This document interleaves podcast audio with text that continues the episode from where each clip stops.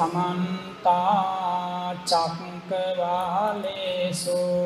අත්‍රාගත්හන්තු දේවතා සද්ධම්මං මුනිරාජස්ස සුනන්තු සංගමුක්කදම් ධම්ම සවන කාලෝ අයං භදන්තා ධම්ම සවන කාලෝ අයං භදන්තා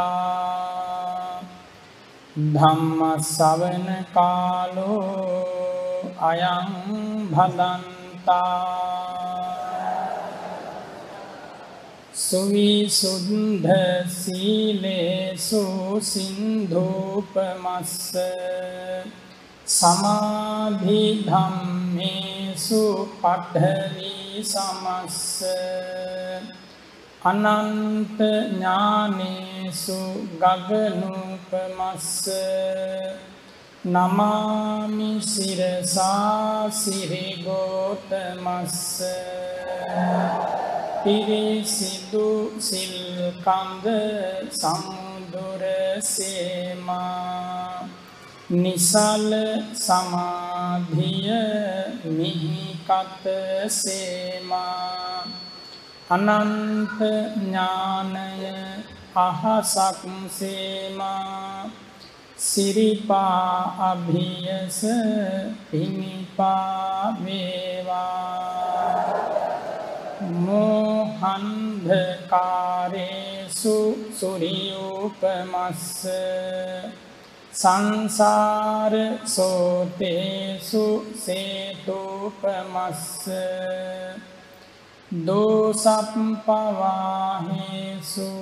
මේ භූපමස්ස නමාමි සිරසා ධම්මාම තස්ස මොහඳුර සිඳලන ලාහිරු සේමා සසරදියඹ මැද පහුරක් සේමා. කෙලෙස් කිලුටු හල වැස්සක් සේමා. සදහම්රුවනට පිණිපාවේවා පට්ටිපත්ති සාරේසු සම්මාඨිතස්ස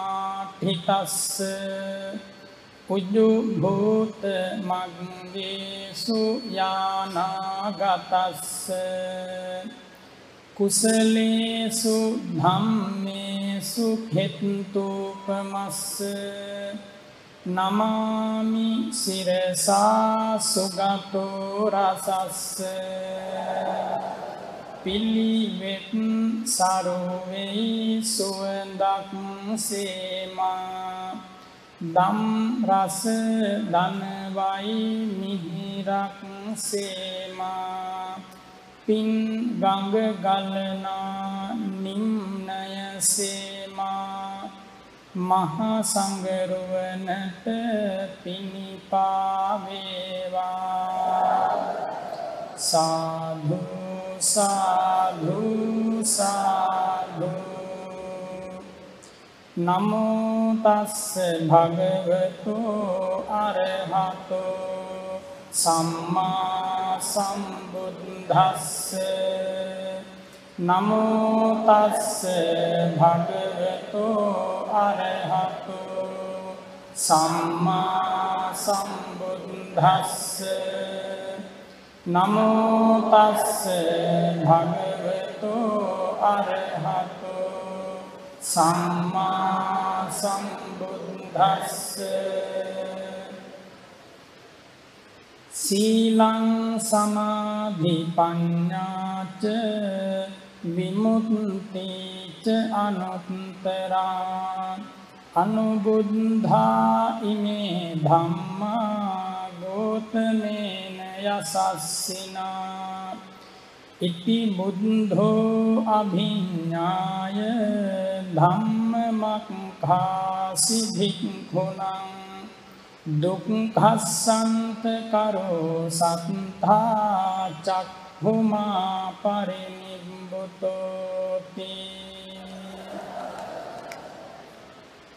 කොරතොට රාජමහා විහාරාධිපති අධිකරණ සංඝනායක ගෞරව ශාස්ත්‍රවේදී හබරකට සෝභිත නායක ස්වාමින් වහන්සේ විහාරාධිකාරී හබරකඩ සුමනසාර ස්වාමින් වහන්සේ ඇතුළු අතිපූජනීය මහා සංඝරත්නයෙන් අවසරයි. පින්වත් සිල්මෑණියන් ඇතුළු ශ්‍රද්ධාවන්ත පින්වතුනි ජීවත් වෙන්න ඉතුරු වෙලා තියෙන තව එක දවසක් ගෙවිලා යන සැන්දෑ කාලයේ මේ පින්බිමට මේ උතුම් ධර්මශාලාවට හැම දෙනාම එකතු වුණේ තුන්ලොවක් සනසාලු දසබලධාරී ශාන්තිනායක බුදුරජාණන් වහන්සේගේ නික්ලේසි හදමදලින් පැනනැගිලා මහනෙල් මල් සුවඳ විහිදෙන සිරිමුව මදලින් අෂ්ඨාංග සමන්නාගත බ්‍රහ්මස්වර මිහිරෙන් මේ ගුවන් තලයට මුසු වූ අපම්මන පිරිසක් සදාතන ශාන්තියෙන් සුවපත් කළ මිහිරි බණපදයක් අසන්න. හැම දෙනාටම මේ ලැබිච්ච වාසනාව ගැන පළමු කොට සතුටු වෙන්න. දුල්ලභෝ පුරිසාජඤ්ඤෝ නසෝ සම්බත්ත ජායති යත්ථසෝ ජායති ධීරෝ තංකුලං සුඛමේදති බුදුරජාණන් වහන්සේලා ලෝකෙ හැම කාලෙකම පහළවන්නේ නැහැ. කලාතුරකින් නමුත් කල්ප ගානක් ඇවෑමෙන් ඒ තථාගතයන් වහන්සේ මේ මිහි මඩලේ පහළ වුණොත් ඒ මිනිස් වර්ගයාටම දිව්‍ය භක්ම ප්‍රජාව සහිත දෙවි මිනිසුන්ට සැලසෙන ශාන්තිය අනන්තයි අප්‍රමාණයි. ඔබට මට මේ සොඳුරු මොහොත බුදු බණ පදයෙන් ලය පහන් කරගන්නා සැලසුනේ භාග්‍යවත් බුදුරජාණන් වහන්සේ නිසා. ඒ අමා ධර්මය නිසා අෂ්ඨාරි පුද්ගල මහා සංඝරත්නය නිසාමයි මිනිස් ජීවිතය උපන්න අපට හසරක් නැතිව ඔහේ ඇවිද ගිය අපට අරමුණක් නැතිව විවිධ සිතිවිලි මාලාවන්හි නිමග්නව අන්ධමන්ද වූ අපට බුදුරජාණන් වහන්සේ ශ්‍රී සද්ධර්මය පරම සත්‍යය න්‍යයයි කියලා දේශනා කොට වදාලා. ඒ පරම සත්‍යය ඇහෙන්න ගත්තහම තමයි වැටහෙන්නේ මෙච්චර කාලයක් මොන තරම් අන්ධකාරයකද ගමන් කරලා තියෙන්නේ. මෙච්චර කාලයක් සත්‍යය කියලා තේරුම් අරගෙන තියෙන අසත්‍යයක්මයි. සැනසීම කියලා ලංකරගෙන තියෙන දුකක්මයි. නිත්‍ය දේවල් කියලා අල්ලගත්තේ වහා නැසී වෙනසී යන දේවල්මයි. සතුට සැපය ආදරය ප්‍රේමය සෙනෙහස හෙව්වේ ඒව නැති අයගෙන්මයි. නිවීම ශාන්තිය පරම සුවය සුගතිය නිවන හෙව්වේ ඒ පිළිබඳව කිසි දෙයක් නොදන්නා අයගෙන්. එනිසා බුදුරජාණන් වහන්සේ මේ ලෝකයට පහළ වෙලා අන්ධමන්ද වූ මිනිසුන්ට ප්‍රඥා දෑස ලබා දුන්නා. දෙවියන්ට ප්‍රඥාව නම් වූ දෑස ලබා දුන්නා. බ්‍රහ්මයන්ටත් ප්‍රඥාව නම් වූ ඇස පාදා දුන්නා.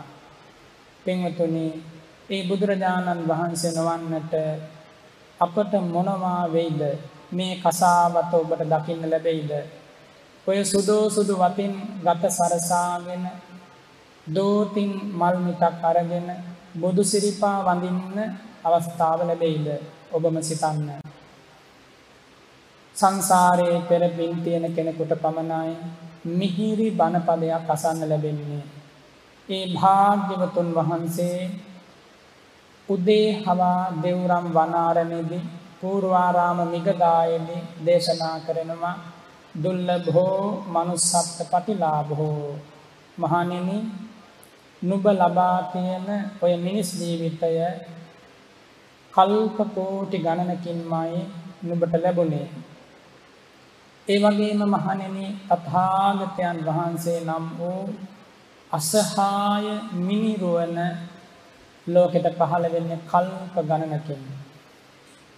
ඒ වගේම මහණෙනි තථාගතයන් වහන්සේගේ ධර්මය අසන්නත් ලැබෙන්නේ ඊ타ම කලාතුරකින් කෙනෙකුට දුර්ලභෝ සද්ධම්ම සවනෝ ඒ අහන බණපදය ජීවිතයට ගලපා ගන්න ලැබෙන්නේ කලාතුරකින් කෙනෙකුට හැමෝට මේ මිහිරි අවස්ථාව හිමිවන්නේ නැහැ.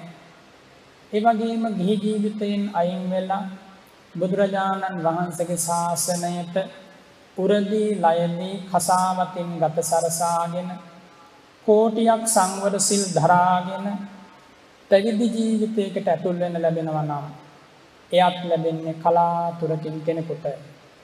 ඒ වගේම මෙකී සියලු කරුණු එකට එකතු වෙච්ච මොහොතක් යමෙකුට උදා වෙනවා නම් කන කැස් බෑවේ විය සිදුරින් උඩ බලනවටත් වඩා අතිශයින්ම දුර්ලභයි.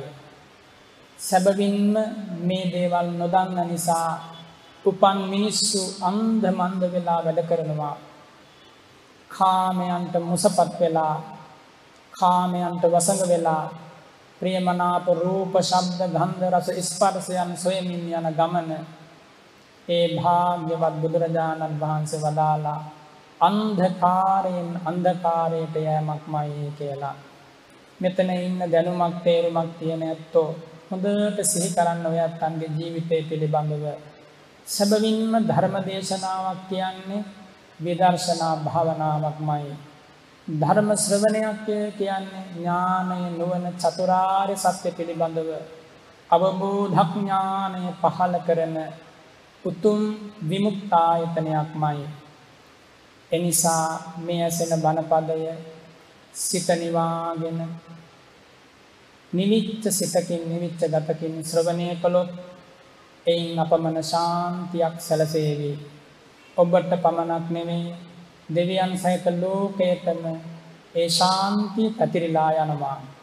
යමෙකුගේ සිතක බුද්ධාලම්බන ප්‍රීතිය උපදිනවා නම් එයා මේ ලෝකේ පරම පූජනීය කෙනෙක් බවට පත් වෙනවා. යම් කිසි කෙනෙක් උදේ හවා බුදු ගුණ සිහි කරනවා නම් බුද්ධාලම්බන ප්‍රීතියෙන් යුක්තව කල්ගෙවනවා නම් එයාගේ මුළු ජීවිතේම පූජනීය ජීවිතයක්. වැඳුම් පිදුම් කරන්න සුදුසු ජීවිතයක්. බුදුරජාණන් වහන්සේ නිසානේ අපට මේ සෑම සැනසීමක්ම ලැබුණේ කියලා හිතෙනකොට ඒ භාග්‍යවත් බුදුරජාණන් වහන්සේ අප වෙනුවෙන් කරන ලද අනන්ත කැපකිරීම් ගැන සිහිපත් වෙනවා. බුදුරජාණන් වහන්සේ කියන්නේ සාමාන්‍ය පවුලක ඉපදිච්ච බොහොම අමාරුවෙන් ජීවිතය ගැටගහගත්ත කෙනෙක් නෙමෙයිනේ. රාජකීය පවුලක ලෝකයේ ඇති උසස්ම කුලයයි ශාත්‍රීය කුලය කියලා කියන්නේ සූර්ය වංශයට නමක්.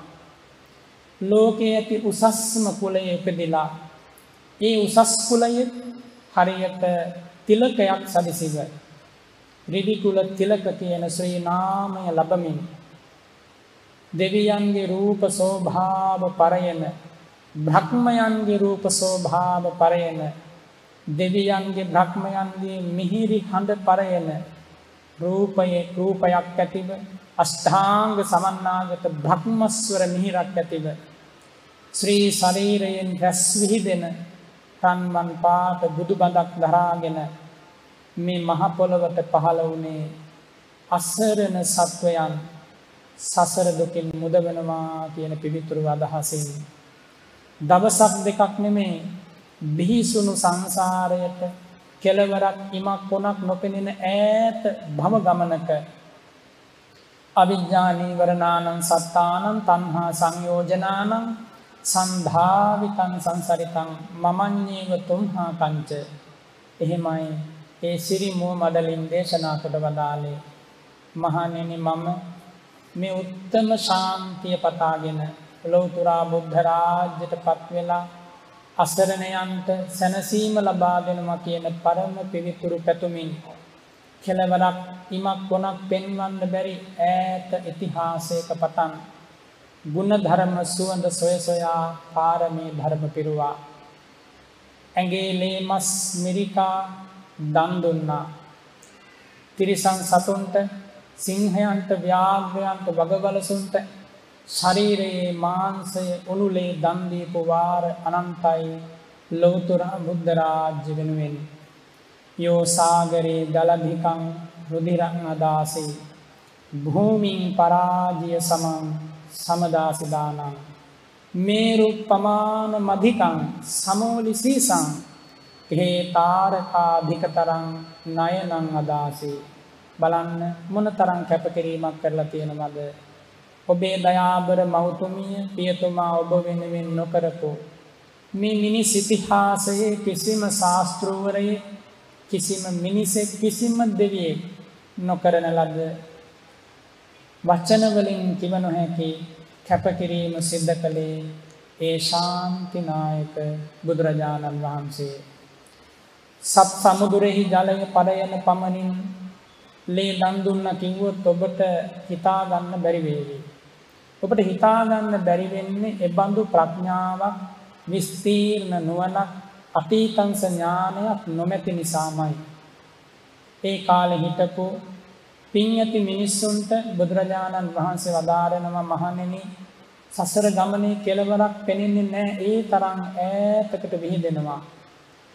ඒ කියන ප්‍රකාශය ඒ සැදැහැතිව අදහා ගත්තා. අදහාගෙන ඉන් අනතුරුව බුදුරජාණන් වහන්සේ වදාරනවා ඒ අතීතයේ නුබලා දකින්න කැමතිනම් මෙන්න මේ විදියට සතිය පුරුදු කරන්න. මෙන්න මේ ආකාරයෙන් සමාධී ප්‍රඥාව වඩන්න කියලා සිත සමාධිමත් කරන ආකාරය ඥාන දර්ශනය පහළ කරගන්නා ආකාරය ඒ භාග්‍යවතුන් වහන්සේ දේශනා කරනවා. ශ්‍රද්ධාවෙන් තථාගත ධර්මයට සවන් දුන් ඒ පිනතියන් බුදුරජාණන් වහන්සේ පෙන්වා වදාළ මාවතේ ජීවිතය පුරුදු කරලා සමාධිමත් සිතක් ඇති කරගෙන ඊතා සීලවන්ත ජීවිතයක් කාය වාග් සංවරය ඇති කරගෙන සීල සමාධි ප්‍රඥා සම්පූර්ණ කරලා පුබ්බේ නිවාසානුස්මෘති ඥානයෙන් ඒ ඈත ඉතිහාසය දකින්නට ශක්තිය උපදවා ගත්තා. ඒ වෙලාවේ වුන්ට වැටහෙනවා අපේ භාග්‍යවතුන් වහන්සේ අපට දේශනා කළේ පරම සත්‍යයක්මයි. අතීතංස ඥානයෙන් පෙර ජීවිත දක්නා නුවණ මෙතන ඉන්න කෙනෙකුට යම් දිනයක ලබා ගන්න ලැබුණොත් මේ කියන බණපදය මොන තරම් ඇත්තක්දෝ කියලා වැටහෙයි. ඒ වෙනකම් කොච්චර කිව්වත් නීවරණ ධර්මයන්හි බලය නිසා පංච නීවරණයන්හි තියෙන අන්ධකාර ස්වභාවය නිසා වැටහෙන්නේ නැහැ. නොවැටහුණත් මේ කරුණු සියල්ලක්ම ඔබ අදහා ගන්න අනන්ත ප්‍රඥාවක් හිමි. මේ අහස් කුසට හා සමාන ප්‍රඥාවක් හිමි. ඒ උපමා කරන්න බැරි මහා ඥානාලෝකයක් හිමි. බුදුරජාණන් වහන්සේමයි මේ සත්‍යය පිළිබඳව දේශනා කරන්නේ. පින්වතුනි ඉතිහාසය දිහා බැලුවොත් මේ අද වෙනකන් මිනිස් ලෝකෙ වේවා දිව්‍ය බ්‍රහ්ම ලෝකයක වේවා කිසිම කෙනෙක් සහේතුකව බුදුරජාණන් වහන්සේට චෝදනා කරලා නැහැ. කරුණු සහිතව කිසිම චෝදනාවක් සිද්ධ කරලා තථාගතයන් වහන්සේ පරද්දවල නැහැ. බුදුරජාණන් වහන්සේ පරද්දවන්න කිසිම වාදයකට කිසිම දෙවියෙකුට බ්‍රහ්මයෙකුට ශ්‍රමණයෙකුට බ්‍රාහ්මණයෙකුට බැරි වුණේ කුමක් නිසාද? බුදුරජාණන් වහන්සේ නැති දෙයක් නෙමෙයි දේශනා කළේ. පරම සත්‍ය මතු කරගෙන උපාදෝවා භික්කවේ තථාගතානං අනුපාදෝවා තථාගතානං හිතාවසා ධාතු ධම්මත් හිතතා ධම්ම නියාමතා. බුදුරජාණන් වහන්සේ පහළ වුණත් නැතත් මේ ලෝකයේ පවතින සත්‍ය වූ ධර්ම ස්වභාවයක් තියෙනවා කුමක්ද ඒ පරම සත්‍ය? යදිදන් සම්මේ සංඛාරා අනිච්චා සියලු සංස්කාර ධර්මයෝ නැසී වෙනසී යනවා කියන එක පරම සත්‍යයක්මයි.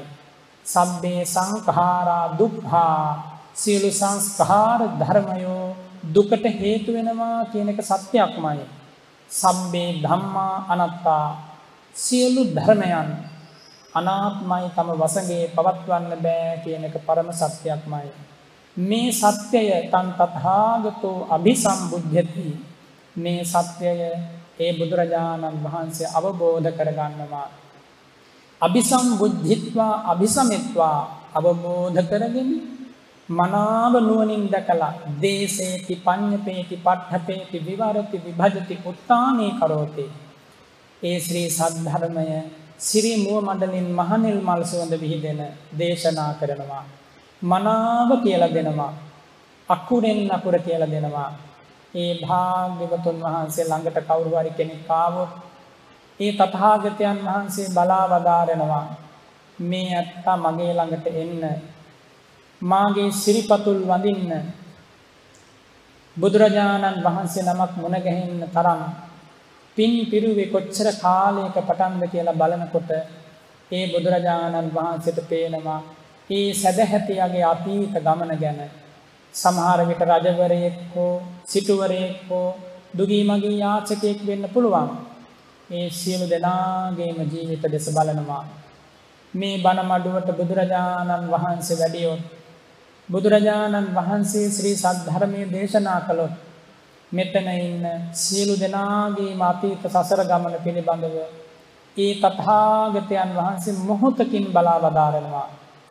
ඉන් අනතුරුව ඒ සියලු දෙනාටම පොදුවේ ගැලපෙන ශ්‍රී සද්ධර්මයක් ඒ සිරි මුව මඩලින් දේශනා කරනවා.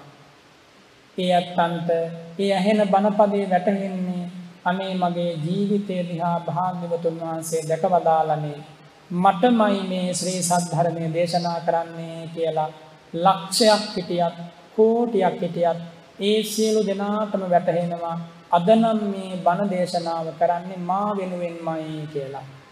පින්වතුනි ඔය බණ පොතේ තියෙනවා 84000ක් මගඵල නිවනින් සනසුණා. සෝවාන් වෙච්ච උතුමන්ගේ සංඛ්‍යාව කියන්න බෑ කියලා. එව්වා සතහන් කළේ නිකන් නෙමෙයි. එදා බුදුරජාණන් වහන්සේගෙන් ධර්මය අහන්න ආවේ මිනිස් ලෝකේ මිනිස්සු විතරක් නෙමෙයි. රජ සිටු මැති ඇමතිවරු විතරක් නෙමෙයි. ගම් නියම් ගම් දනව්වල හිටපු ඇත්තු පමණක් නෙමෙයි. මේ සක්වල ඉන්න දෙවියෝ බ්‍රහ්මයෝ විතරක් නෙමෙයි පිට සක්වල දෙවියෝ බ්‍රහ්මයෝ පවා වැල්ල නොකැඩී බුදුරජාණන් වහන්සේ 45 අවුරුද්දක් මේ මහ පොළවේ සිරිපා තබ තබා වැඩම කළා නම් ඒ කාලය පුරාවටම ඒ භාග්‍යවතුන් වහන්සේ වඩින්නේ යම් දිශාවකටද අහස් කුසේ දෙවියෝ බ්‍රහ්මයෝ පිරීලා එක මිහිරි බණපදයක් අහලා සිත පහදවා ගන්න ඒ සම්බුදු අසිරිය නොදන්නා ලෝකයට බුදුගුණයේ සුවඳ වැටහෙන්නේ නැහැ. එනිසා ඔබ උදේ හවා ඒ ශාන්ති නායක බුදුරජාණන් වහන්සේ ගැන කල්පනා කරන්න. සරණක් නැති ලොවට සරණක් ලබා දුන් තුන් ලොවක් සනසාලු ධර්මරාජ විරාගී බුදුරජාණන් වහන්සේ මා වෙනුවෙන් අතීත සසරේ පටන් මොන්න තරම්නම් පාරමී ධර්ම පුරන්ට ඇතිද බණ පොතේ ජාතක පොතේ සටහන් වෙලා තියෙන අවස්ථා කීපයක් පමණයි. පුරා විසි අසංක්‍ය කල්ප ලක්ෂයක් පිරූ පාරමී ධර්ම සම්භාරය වචන වලින් කියන්න බැරි තරම් අපමණයි. යම් දිනක ඒ විරාගී ධර්මරාජ බුදුරජාණන් වහන්සේ ලෝතුරා බුද්ධරාජ්‍යයට පත්වෙනවා කියන පිවිතුරු සිතුවිල්ලෙන් තම මෞතුමිය මහා සාගරයේ කරපිට තබාගෙන පිහිනලා මහා වීරිය බලයකින් සාගර වෙරළට වැඩම කරලා හිතා ගන්නත් බැරි ජීවිත පරිත්‍යාගයක් සිද්ධ කරලා ලෝතුරා බුද්ධ රාජ්‍ය ප්‍රාර්ථනා කළා බුද්ධෝහං බෝධිස්සාමි එහෙමයි හිතුවේ. මම දිනක ලෝතුරා බුදු වෙනවා. මගේ මෞතුමිය මේ බිහිසුණු සාගරයෙන් එතර කළා වගේ සියලු ලෝ සතුන් සංසාර සාගරයෙන් එතර කරනවා කියලා හිතුවා. තින්නෝහන් තාරයිස්සාමි පළමු කොට මම හැම දුක් නසා දමා භව දුකින් අත මිදෙනවා. අසරණයන්ට ඒ භව දුකින් අත මිදෙන මාවත මම සොයා දෙනවා කියා දෙනවා සංසාරය මහා ඕඝයක් වගේ සැඩ පහරක් වගේ හසු වුණාට පස්සේ නතර වෙන්නේ අට මහා නිරය වැටිලා. මේ සියල්ල දන්නා නිසා දක්නා නිසා ජීවිතයෙන් ජීවිතයට සුවිශාල පාරමී ගංගාවක් සම්පූර්ණ කරලා එකතු කරලා ගලාගෙන යන්න සලස්වලා ඒ තථාගතයන් වහන්සේ අමාශාන්ත බුදු බව සොයාගෙන සංසාරේ වැඩම කළා. පින්වතුනි කාල වශයෙන් වර්ෂ වශයෙන් පරිච්ඡේද කළ නොහැකි ඉතිහාසයක ඔබත් මාත් මේ සසර ගමනේ ඒකාන්තයෙන් අපමණ දුක් විඳා දැන් මේ මිනිස් ලෝකේ ගත කරන නිමේෂය තව දින ගණනකින් රාත්‍රී ගණනකින් වේල් ගණනකින් ඔබට අහිමි වෙනවා. මෙතන ඉන්න හැම කෙනෙකුගේම ජීවිතය ඔය ඉහළ පහළ යන හුස්ම රැල්ල වායෝ ධාරාව තව ටික දවසකින් අතර වෙනවා. ඔය ශරීරයේ මල කඳක් වෙනවා. මල කඳක් වෙච්ච දාට ඔබේ සහචරයන් සමීපචාරීන් හඬා වැළපෙයි. හැබැයි ඒ කවුරුවත් දන්නේ නැහැ මා සිප වැළඳගෙන කිරිදාහාවන් පොවලා මාව පෝෂණය කළ මව්තුමිය දැන් කොහෙද ඉන්නේ කියලා කියන්න දන්නේ නැහැ. තාත්තා දැන් කොහෙද ඉපදිලා ඉන්නේ කියලා කියන්න දන්නේ නැහැ. බලන්න මොන තරම්නම් අන්ධකාරයකද ඔබ මා මේ සංසාරේ තාම ගමන් කරන්නේ ඒ විදිහට ඔබේ ජීවිතයත් දිනක අවසන් වුණාට පස්සේ ඔබේ දුවා දරුවෝ දන්නේ නැහැ. ඔබේ හිතවතා, ඔබේ ස්වාමියා, භාර්යාව දන්නේ නැහැ ඔබ කොහෙද ඉපදුනේ කියලා. සමහර කෙනෙක් දන්පැන් පූජා කරලා ඔබට පින් අනුමෝදන් කරાવી. සමහර කෙනෙක් එහෙම නොකරන්නත් පුළුවන්. හැබැයි මේ පින දුන්නට ඔබට අනුමෝදන් වෙන්න බැරි තැනක ඔබ ඉපදිලා හිටියොත් ඔබට ඒ පිනෙන් පළක් ලැබෙන්නේ නැහැ. අනුමෝදන් වෙන්න පුළුවන් තැනක ඉපදිලා හිටියොත් නම් අනුමෝදන් වෙන්න ලැබෙවි. හැබැයි මතක තබා ගන්න පරලෝකෙට ගිහිල්ලා පින් අනුමෝදන් වෙලා සුවපත් වෙන්න බලාපොරොත්තු වෙන්නම් කවුරුවත් කටයුතු කරන්න එපා. ඔබ මේ ජීවිතයේ ඉතුරු වෙලා තියෙන දින ගණන මේ උතුම් දහමට විනයට අනුව ජීවත් වෙන්න බලන්න. අපි සංසාරයක් පුරාවට කළේ මේ මහා පොළොවේ පස්වදන එක කියලායි බුදුරජාණන් වහන්සේ වදාළේ මේ මහා භද්‍ර කල්පයේදී ඔබ මිනිස් ලෝකේ උපන්න වාරවල මැරිලා ගියපු අවස්ථාවල ඔලු කටුව ඇටකටු එකතු කරලා ගොඩක් ගැහුවා නම් වේ පුල්ල පර්වතයට වඩා වැඩි කියලායි තථාගතයන් වහන්සේගෙන් සිරි මුවමඩලින් අසන්න ලැබුණේ ඒක පරම සත්‍යයක් නම් මේ මිනිස්සු ප්‍රමාද නොවිය යුතුයි. ඒක පරම සත්‍යයක් නම් මේ ජීවිතයේ දුස්සීල නොවිය යුතුයි. එය පරම සත්‍යයක් නම් මේ ජීවිතේ දන් නොදී නොසිටිය යුතුයි. අප්‍රමාදීව කය ගැන හිතනවට වඩා සිය දහස් කෝටි ප්‍රකෝටි ගුණයකින් සිතේ පාරිශුද්ධිය ගැනමයි හිතන්නට ඕන. පින්වතුනි ඔබ නොදන්නවා වුණාට උපදින එකම පාපී සිතුවිල්ලකට පුළුවන් හෙට දවසේ ඔබ තිරිසනෙක් බවට පත් කරන්න. සිතේ උපදින එකම සරාගී සංකල්පනාවකට පුළුවන් හෙට දවසේ ඔබ ප්‍රේතියක් ප්‍රේතයෙක් බවට පත් කරන්න. එකම ද්වේෂ සිතුවිල්ලකට පුළුවන් හෙට දවසේ ඔබ මල යක්ෂයෙක් යක්ෂණියක් බවට පත් කරන්න. ඒ තරමින් භයානකයි මේ සසර ගමන. මේවා ගැන කියලා දෙන්නේ බුදුරජාණන් වහන්සේ පමණයි. අන් අයට කියලා දෙන්න දැනුමක් නැහැ. ඒ අත්තු දකින රූපවලට ඇසෙන් බලන රූපවලට වසඟ වෙලා ඒව වර්ණනා කර කර ඉඳලා මැරිලා යනවා. කනෙන් අහන මිහිරි ශබ්ද වලට වසඟ වෙලා ඒව සොය සොයා ගිහිල්ලා මැරිලා යනවා. ප්‍රියමනාප රූප ශබ්ද ගන්ධ රස ස්පර්ශයන්ට වසඟ වෙලා මුසපත් වෙලා මූර්ජාවටපත් වෙලා ජීවිතය අවසන් කරලා හැරිලා බලනකොට එක්කෝ අටමහා නිරයෙන් තැනක එහෙම නැත්නම් අසුර ලෝකේ එහෙම නැත්නම් പ്രേත ලෝකේ එහෙම නැත්නම් තිරිසන් ලෝකේ මේ තත්ත්වයට හෙට දවසේ මෙතන ඉන්න එක්කෙනෙක් හරි පත් වුණොත් ඔබව බේරගන්න කවුද එදාට ඔබට අත දෙන්නේ? එදාට ඔබට මෙහෙම ලස්සන ධම්සභා මණ්ඩපයක ඉඳගෙන තැන්පත් වෙලා බුදුබණ පදයක් අහලා සිත නිවා ගන්න ලැබෙයිද? එදාට ඔබට අවස්ථාවක් හිමි වෙයිද?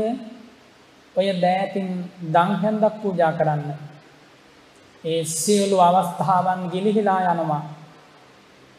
ඒකයි බුදුරජාණන් වහන්සේ වදාලේ චෝදිතා දේව දූතේහි යේ පමජ්ජන්තිමානවා තේ දීඝරත්තන් සෝතන්ති හීනකායෝපගා නරා බුදුරජාණන් වහන්සේ වදාරනවා මා මේ දේශනා කරන දහම යම් කිසි කෙනෙක් මහණෙනි අදහා ගත්තේ නැත්නම් ඒ අදහා නොගන්නා අය අවසානයේ ළඟින්නේ අවීචි මහා නිරය කියලා.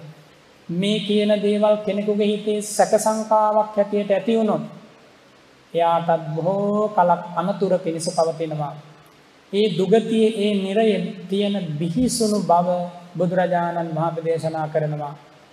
පින්වතුනි චාතුම් මහා රාජික කියන දිව්‍ය ලෝකය තමයි මිනිස් ලෝකයට ආසන්නයේම පිහිටලා තියෙන දිව්‍ය ලෝකය. යොදුන් 42000ක් උඩින් තමයි චාතුම් මහා රාජික දිව්‍ය ලෝකේ පිහිටලා තියෙන්නේ.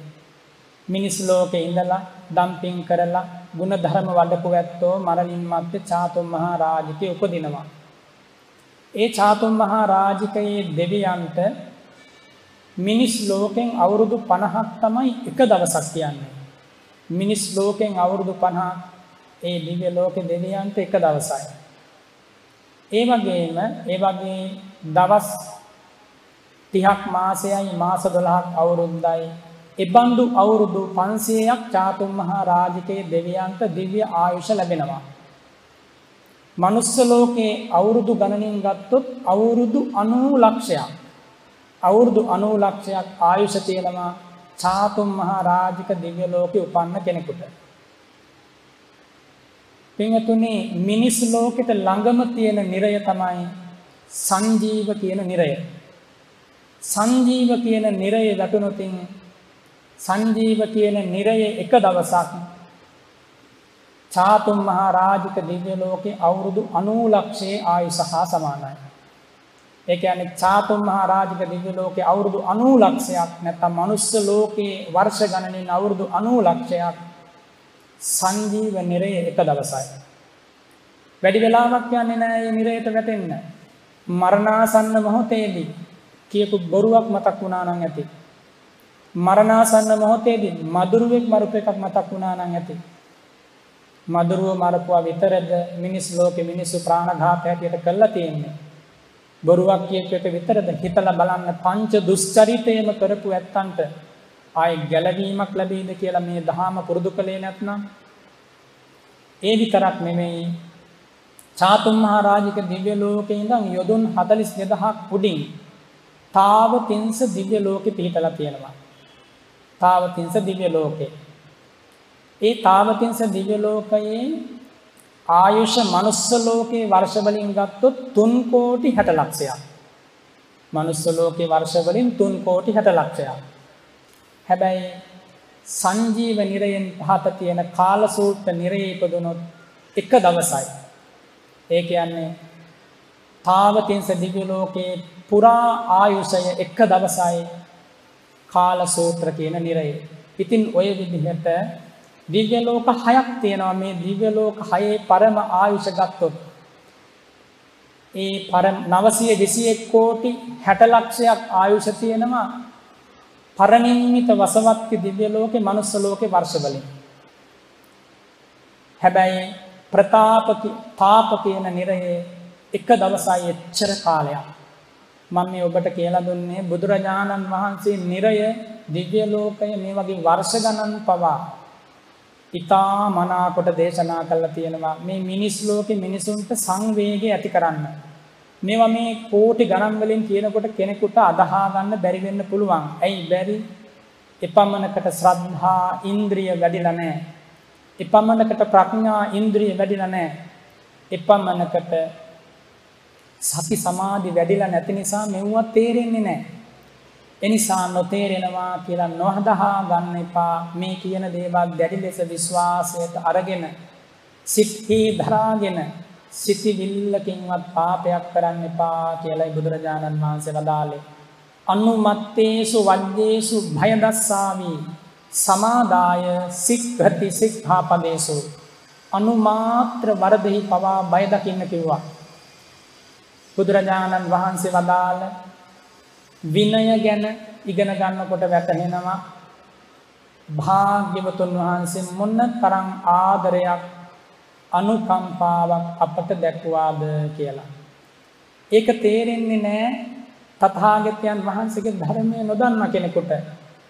අපව නිරයෙන් බේරන්න තිරිසන් ප්‍රේත අසුර ලෝකයෙන් බේරන්න මේ දහම ආකාර පරයාය ගණනාවකින් සිරිමුව මඩලින් දේශනා කළා. කවුරුවරි කෙනෙක් ගොඩගන්න පුළුවන් කියලා සංසාරෙ කළපින් තියෙනවා මෙයා ධර්මය අවබෝධ කරගන්න කියලා දැක්කොත් ඒ භාග්‍යවතුන් වහන්සේ කුසගින්නේ නමුත් වඩිනවා ඒ අසරණයන් සොයාගෙන පිපාසය උහුලමින් ඒ අසරණය සොයාගෙන වඩින්නේ කුමක් නිසාද ඒ ඇත්තන්ට පිහිට වෙන්න. එක දවසක් භාග්‍යවත් බුදුරජාණන් වහන්සේ බැලුවා. එක අස්සරණ කාන්තාවක් බඩදරු අම්ම කෙනෙක් මැරිලා ගිහිල්ලා නිරයේ උපදිනවා රාත්‍රී කාලයේ තථාගතයන් වහන්සේ බලා වදාලා මේ අසරණ කාන්තාවට පිහිටක් වෙන්න පුළුවන්ද?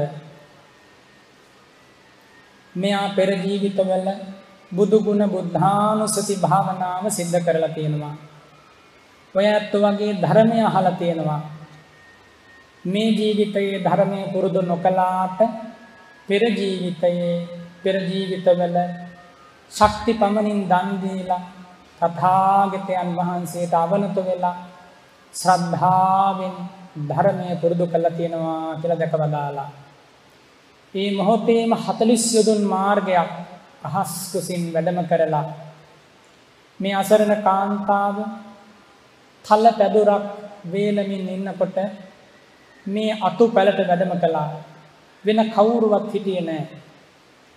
බණ්ඩදරු අම්මා කෙනෙක් තමයි දන්නේ දරු කුසක් දරාගෙන ඉන්නකොට මොනතරම් වේදනාවක්ද කියලා. තථාගතයන් වහන්සේ රන් කඳක් සදිසිව පුරපෝදා හඳ මඩල වගේ මුව මඩල ඇතිව ඒ අසරණ කාන්තාවගේ නිවසට වැඩම කරනවා. මේ කාන්තාව දැක්කට පස්සේ අර වේදනාව සියල්ල නැති වුණා. අප්‍රමාණ ප්‍රීතියක් ඇති වුණා. ගේ ඇතුළට දුවගෙන ගිහිල්ලා බලනවා. අඩුම තරමින් හීල්බත් එකක්වත් තියෙනවද පූජා කරන්න? එහෙමවත් නැහැ අන්ත අසරණයි. බොහොම අමාරුවෙන් වේලක් හොයලා ජීවත් වෙන්නේ. බුදුරජාණන් වහන්සේ වැඩ ඉන්නවා. තල පැදුරෙන් තල දෝටක් අරගෙන තථාගතයන් වහන්සේගේ පාත්‍රයට පූජා කළා. බුදුරජාණන් වහන්සේ සුඛී හෝතු කියලා වදාලා සුවපත් වේවා. ඉන් අනතුරුව තථාගතයන් වහන්සේ මොහොතේ මහස් කුසට පැන නැගිලා දෙව්රම් වනාරණට වැඩම කළා. මේ කාන්තාවට දරු කුසක් දරාගෙන ඉන්න වේදනාව ඒ මොහොතේ ඉඳන් දැනෙන්නේ නැහැ. අප්‍රමාණ ප්‍රීතියක් කුසගින්න පිපාසය පවා දැනෙන්නේ නැහැ ඒ තරමින් සතුටක් ඇති වුණා ඇය කවදාකවත් හිතුවේ නෑ මා වාගේ අසරණ කාන්තාවක් වෙසෙන මේ අතුපැලට ශාක්‍ය කුලයේ ඉපදිච්ච දස බලධාරී වූ දෙවිවරුන්ගේ බ්‍රහ්ම රාජයන්ගේ වැඳුම් පිඳුම් ලබන ලෝකයේ අස්සම සම නිදුකානන් වහන්සේ වඩේවි කියලා කවදාකවත් හිතුවේ නෑ.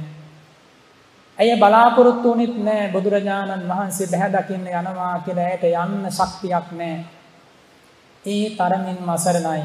හැබැයි කළ පින් තිබුණ නිසා බුදුරජාණන් වහන්සේගේ කරුණා ජාලයට ඇයව ලක් වුණා නැත්නම් ඇයව හසු වුණා. එදා රාත්‍රී කාලයේ දරු ගැබ හරස් වෙලා ඇය කලුරිය කළා. මරණින් මත්තේ තාවතින්ස දිව්‍ය ලෝකේ මහේශාක්‍ය දෙවඟනක් බවට පත් වෙලා ඉපදුනා. අද පවා දිව්‍ය ලෝකේ ඇති බුදුරජාණන් වහන්සේගේ මොහොතක් දැකීම ඒ තරමින් ශාන්තියකට හේතු වෙනවා නම් ඒ භාග්‍යවතුන් වහන්සේ වදාළ ආකාරයෙන් යම් කිසි කෙනෙක් සකසා දානයක් පූජා කළොත් මහා සංඝරත්නය වඩමවාගෙන බොහෝම ගෞරවයෙන් දන් හැන්දක් පූජා කළොත් එයාට කොච්චර ආනිසංස ලැබෙයිද?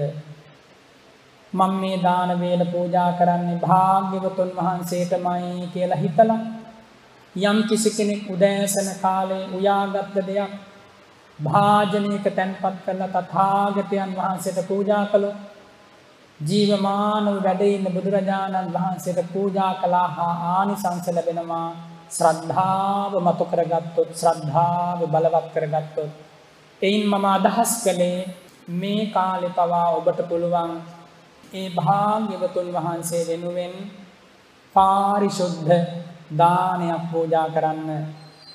මේ කාලෙ වුණත් ඔබට පුළුවන් තාම ඒ බුදුරජාණන් වහන්සේගේ අනන්ත ගුණ සිහි කරලා ඒ භාග්‍යවතුන් වහන්සේ වෙනුවෙන් බුද්ධෝපස්ථානයක් සිද්ධ කරගන්න. එයින් මා ඔබට ප්‍රකාශ කරන්නේ තාම ඔබ අසරණ වෙලා නැහැ. තාම ඔබට රැකවරණයක් සැනසීමක් තියෙනවාමයි.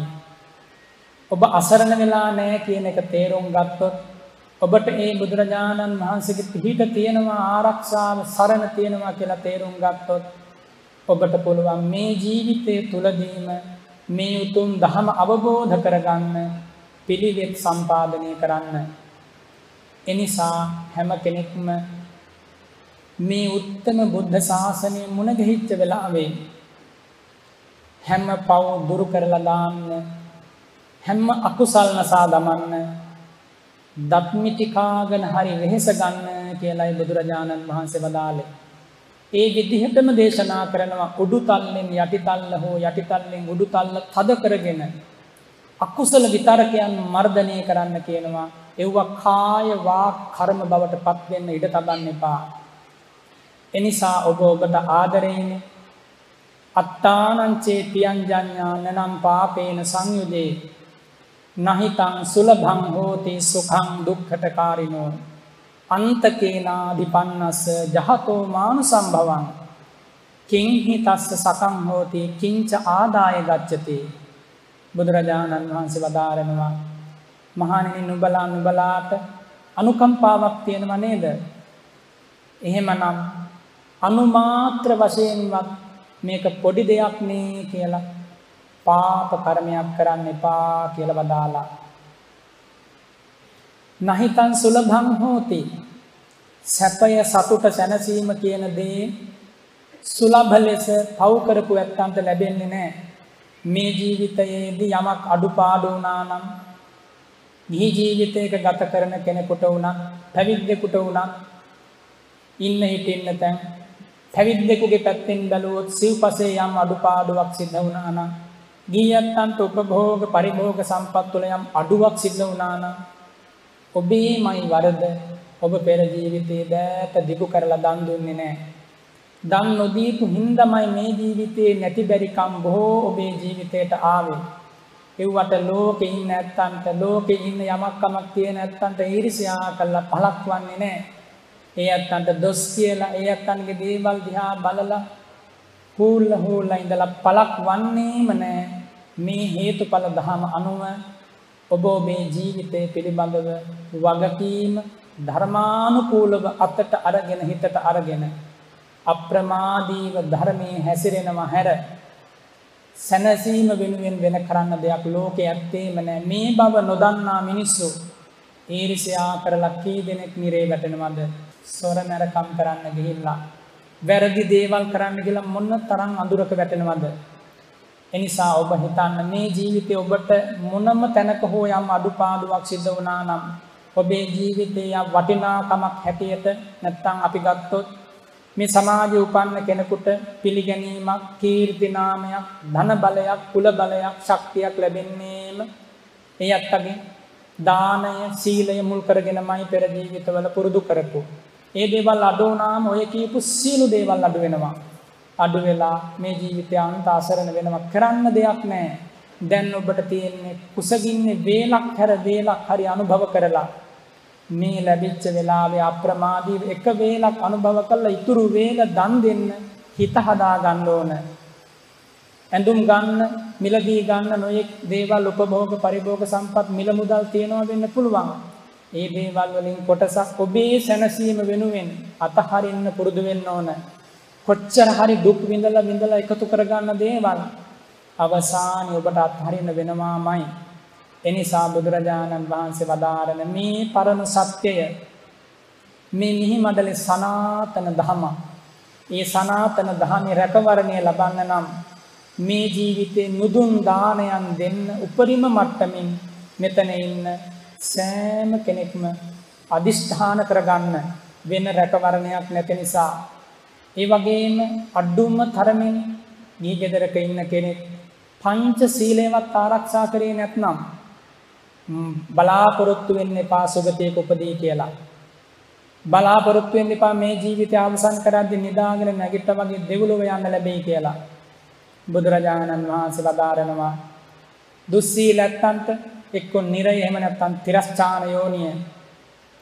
එනිසා බුදුරජාණන් වහන්සේ ළඟට කවුරු හරි කෙනෙක් බණපදයක් අහන්න ආවොත් තථාගතයන් වහන්සේ ඉස්සෙල්ලාම ධර්ම දේශනා කරද්දී දාන කතාව කියලා දෙනවා. දන් දීමේ ආනිසංස කියලා දෙනවා. යම් කිසි කෙනෙක් යහමින් දන් දුන්නොත් යහමින් දේවල් ලැබෙනවා කියලා වදාරනවා. ඒ වගේම ආහාර පාන දන් දුන්නොත් ආහාර පාන ලැබෙනවා කියලා වදාරනවා. ඒ කාලේ එක්තරා දෙවියෙක් භාග්‍යවතුන් වහන්සේ වෙත ඇවිල්ලා සිරිපාපියුම් වන්දනා කරලා අහනවා ස්වාමීනි කින්දදෝ බලදෝ හෝති? ස්වාමීනි බලය පූජා කළා වෙන්නේ කුමක් පූජා කළොත්ද? සිරිමුව මඩලින් වදාරනවා අන්නදෝ බලදෝ හෝති. ආහාර පාන පූජා කළොත් එයාට නිවන් දක්නා ජාති දක්වාම කායික ශක්තිය බලය වාරුව ලැබෙනවා. නිරෝගීකම ලැබෙනවා. ඒ වගේම යම්කිසි කෙනෙක් වත්තදෝ හෝති වන්නදෝ දෙවිය අහනම ස්වාමීනි ලස්සන රූපයක් ප්‍රභාස්වර බවක් ලැබෙන්නේ මොනව දන් දුන්නොත්ද? තථාගතයන් වහන්සේ වදාරනවා වත්තදෝ හෝති වන්නදෝ යම් කිසි කෙනෙක් මහා සංඝරත්නයට සිවුරු පූජා කළා තියෙනවා නම් නැති බැරි ඇත්තන්ට ඇඳුම් පැනඳුම් පූජා කළා තියෙනවා නම් උපනූපන් ජීවිතවල ප්‍රභාස්වර ශරීරයක් ලැබෙනවා කියලා වදාලා දීපදෝ හෝති චක්ඛුදෝ ස්වාමීනි මනාව පෙනෙන අවුරුදු 100ක් ගියත් උපැස්සියවලකින් තොරව පොත් කියවන අය තාම ඉන්නවනේ. ඒ අත්ව සංසාරේ ආලෝක පූජා සිද්ධ කරලා තියෙනවා. දීපදෝ හෝති චක්ඛුදෝ පහන් පූජා කරලා ආලෝක පූජා කරපු අයට හරියට රන් විමනක බබලන මිනි කවුළු සදිසි දෑසක් ලැබෙනවා. භාග්‍යවතුන් වහන්සේ මෙහෙම දේශනා කරන්නේ. ඒ වගේම භාග්‍යවතුන් වහන්සේ වදාරනවා යානදෝ සුඛදෝ හෝති. කවුරු හරි කෙනෙක් නැති බැරි කෙනෙකුට මහා සංඝරත්නයට යානා වාහන පූජා කරනවා. පූජා කළොත් එයාට සියලු සැප සම්පත් ලැබෙනවා. සුවය ලැබෙනවා. උපදින සෑම තැනකම සියලු පහසුකම් ලැබෙනවා. එහෙනම් මේවා ඇහෙද්දී ඔබ හිතන්න ඕනේ කුමක්ද? මේ දේවල් ඔබට ලැබිලා නැත්නම් ඔබ මේ දේවල් කරලා නැහැ. ඒ වගේම ඒ දෙවි අහනවා ස්වාමීනි සියල්ලම පූජා කළා වෙන්නේ කුමක් කළොත්ද?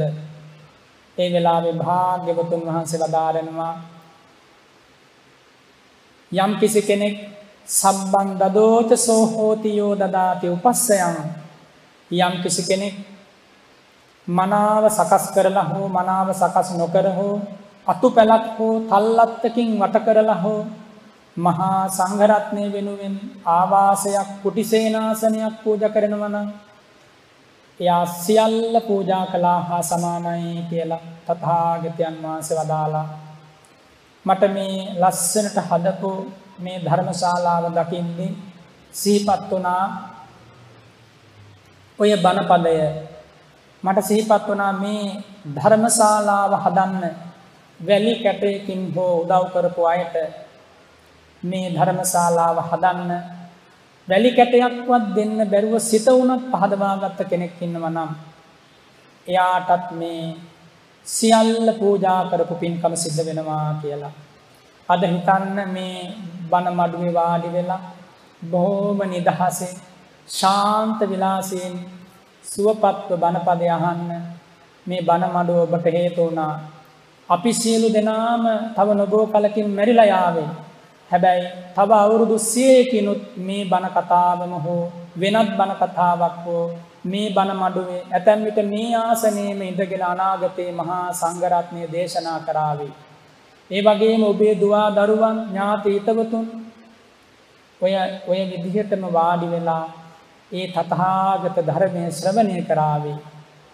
එනිසා මේ පූජාව මේ අසිරිමත් බණ මඩුවක් හදලා කරලා තියෙන පූජාව සියල්ල පූජා කිරීමක්මයි. සියලු දේවල් අතහැරීමක්මයි. එනිසා මේවට සම්බන්ධ වෙච්ච අය, සිත පහදවා ගත්ත අය, අනුමෝදම් වෙච්ච අය සැබවින්ම සතුටු වෙන්න අපට මේසා මහේශාක්‍ය පින්කමක් කරගන්න ලැබුණා කියලා. ඒ වගේම එදා ඒ දේවතාව අහනවා ස්වාමීනි මේ විදිහට සියලු දේවල් පූජා කිරීමත් ඒ වගේ මේ සියල්ලටම වඩා තවත් පූජාවක් තියෙනවද බුදුරජාණන් වහන්සේ වදාරනවා යම් කිසි කෙනෙක් අමතන් දදෝච සෝහෝති යෝ ධම්ම මනුසාසති. තථාගතයන් වහන්සේගේ ශ්‍රී සද්ධර්මය ඒ ආකාරයෙන්ම විකෘති කරන්නේ නැතුව දේශනා කළොත් කිසිම බලාපොරොත්තුවක් නැතිව සාධුකාරයක් හෝ බලාපොරොත්තු නොවී දේශනා කළොත් චතුරාර්ය සත්‍යය කියලා දුන්නොත් දාන කතාව සග්ග කතාව කියලා දුන්නොත් ඒ ධර්ම දේශනාව කරන කෙනාට කරවන කෙනාට හරියට අමෘතය ලබා දුන්න හා සමාන මහා පිනක් අයිති වෙනවා සියලු පින් පරයා ධර්ම දානමය පින්කම පැන නගිනවා මතු වෙනවා කියලා එනිසා මේ ඉන්න සෑම කෙනෙක්ම අද මේ බණපදය අහන්න ආපු සැබවින්ම වාසනාවන්තයි.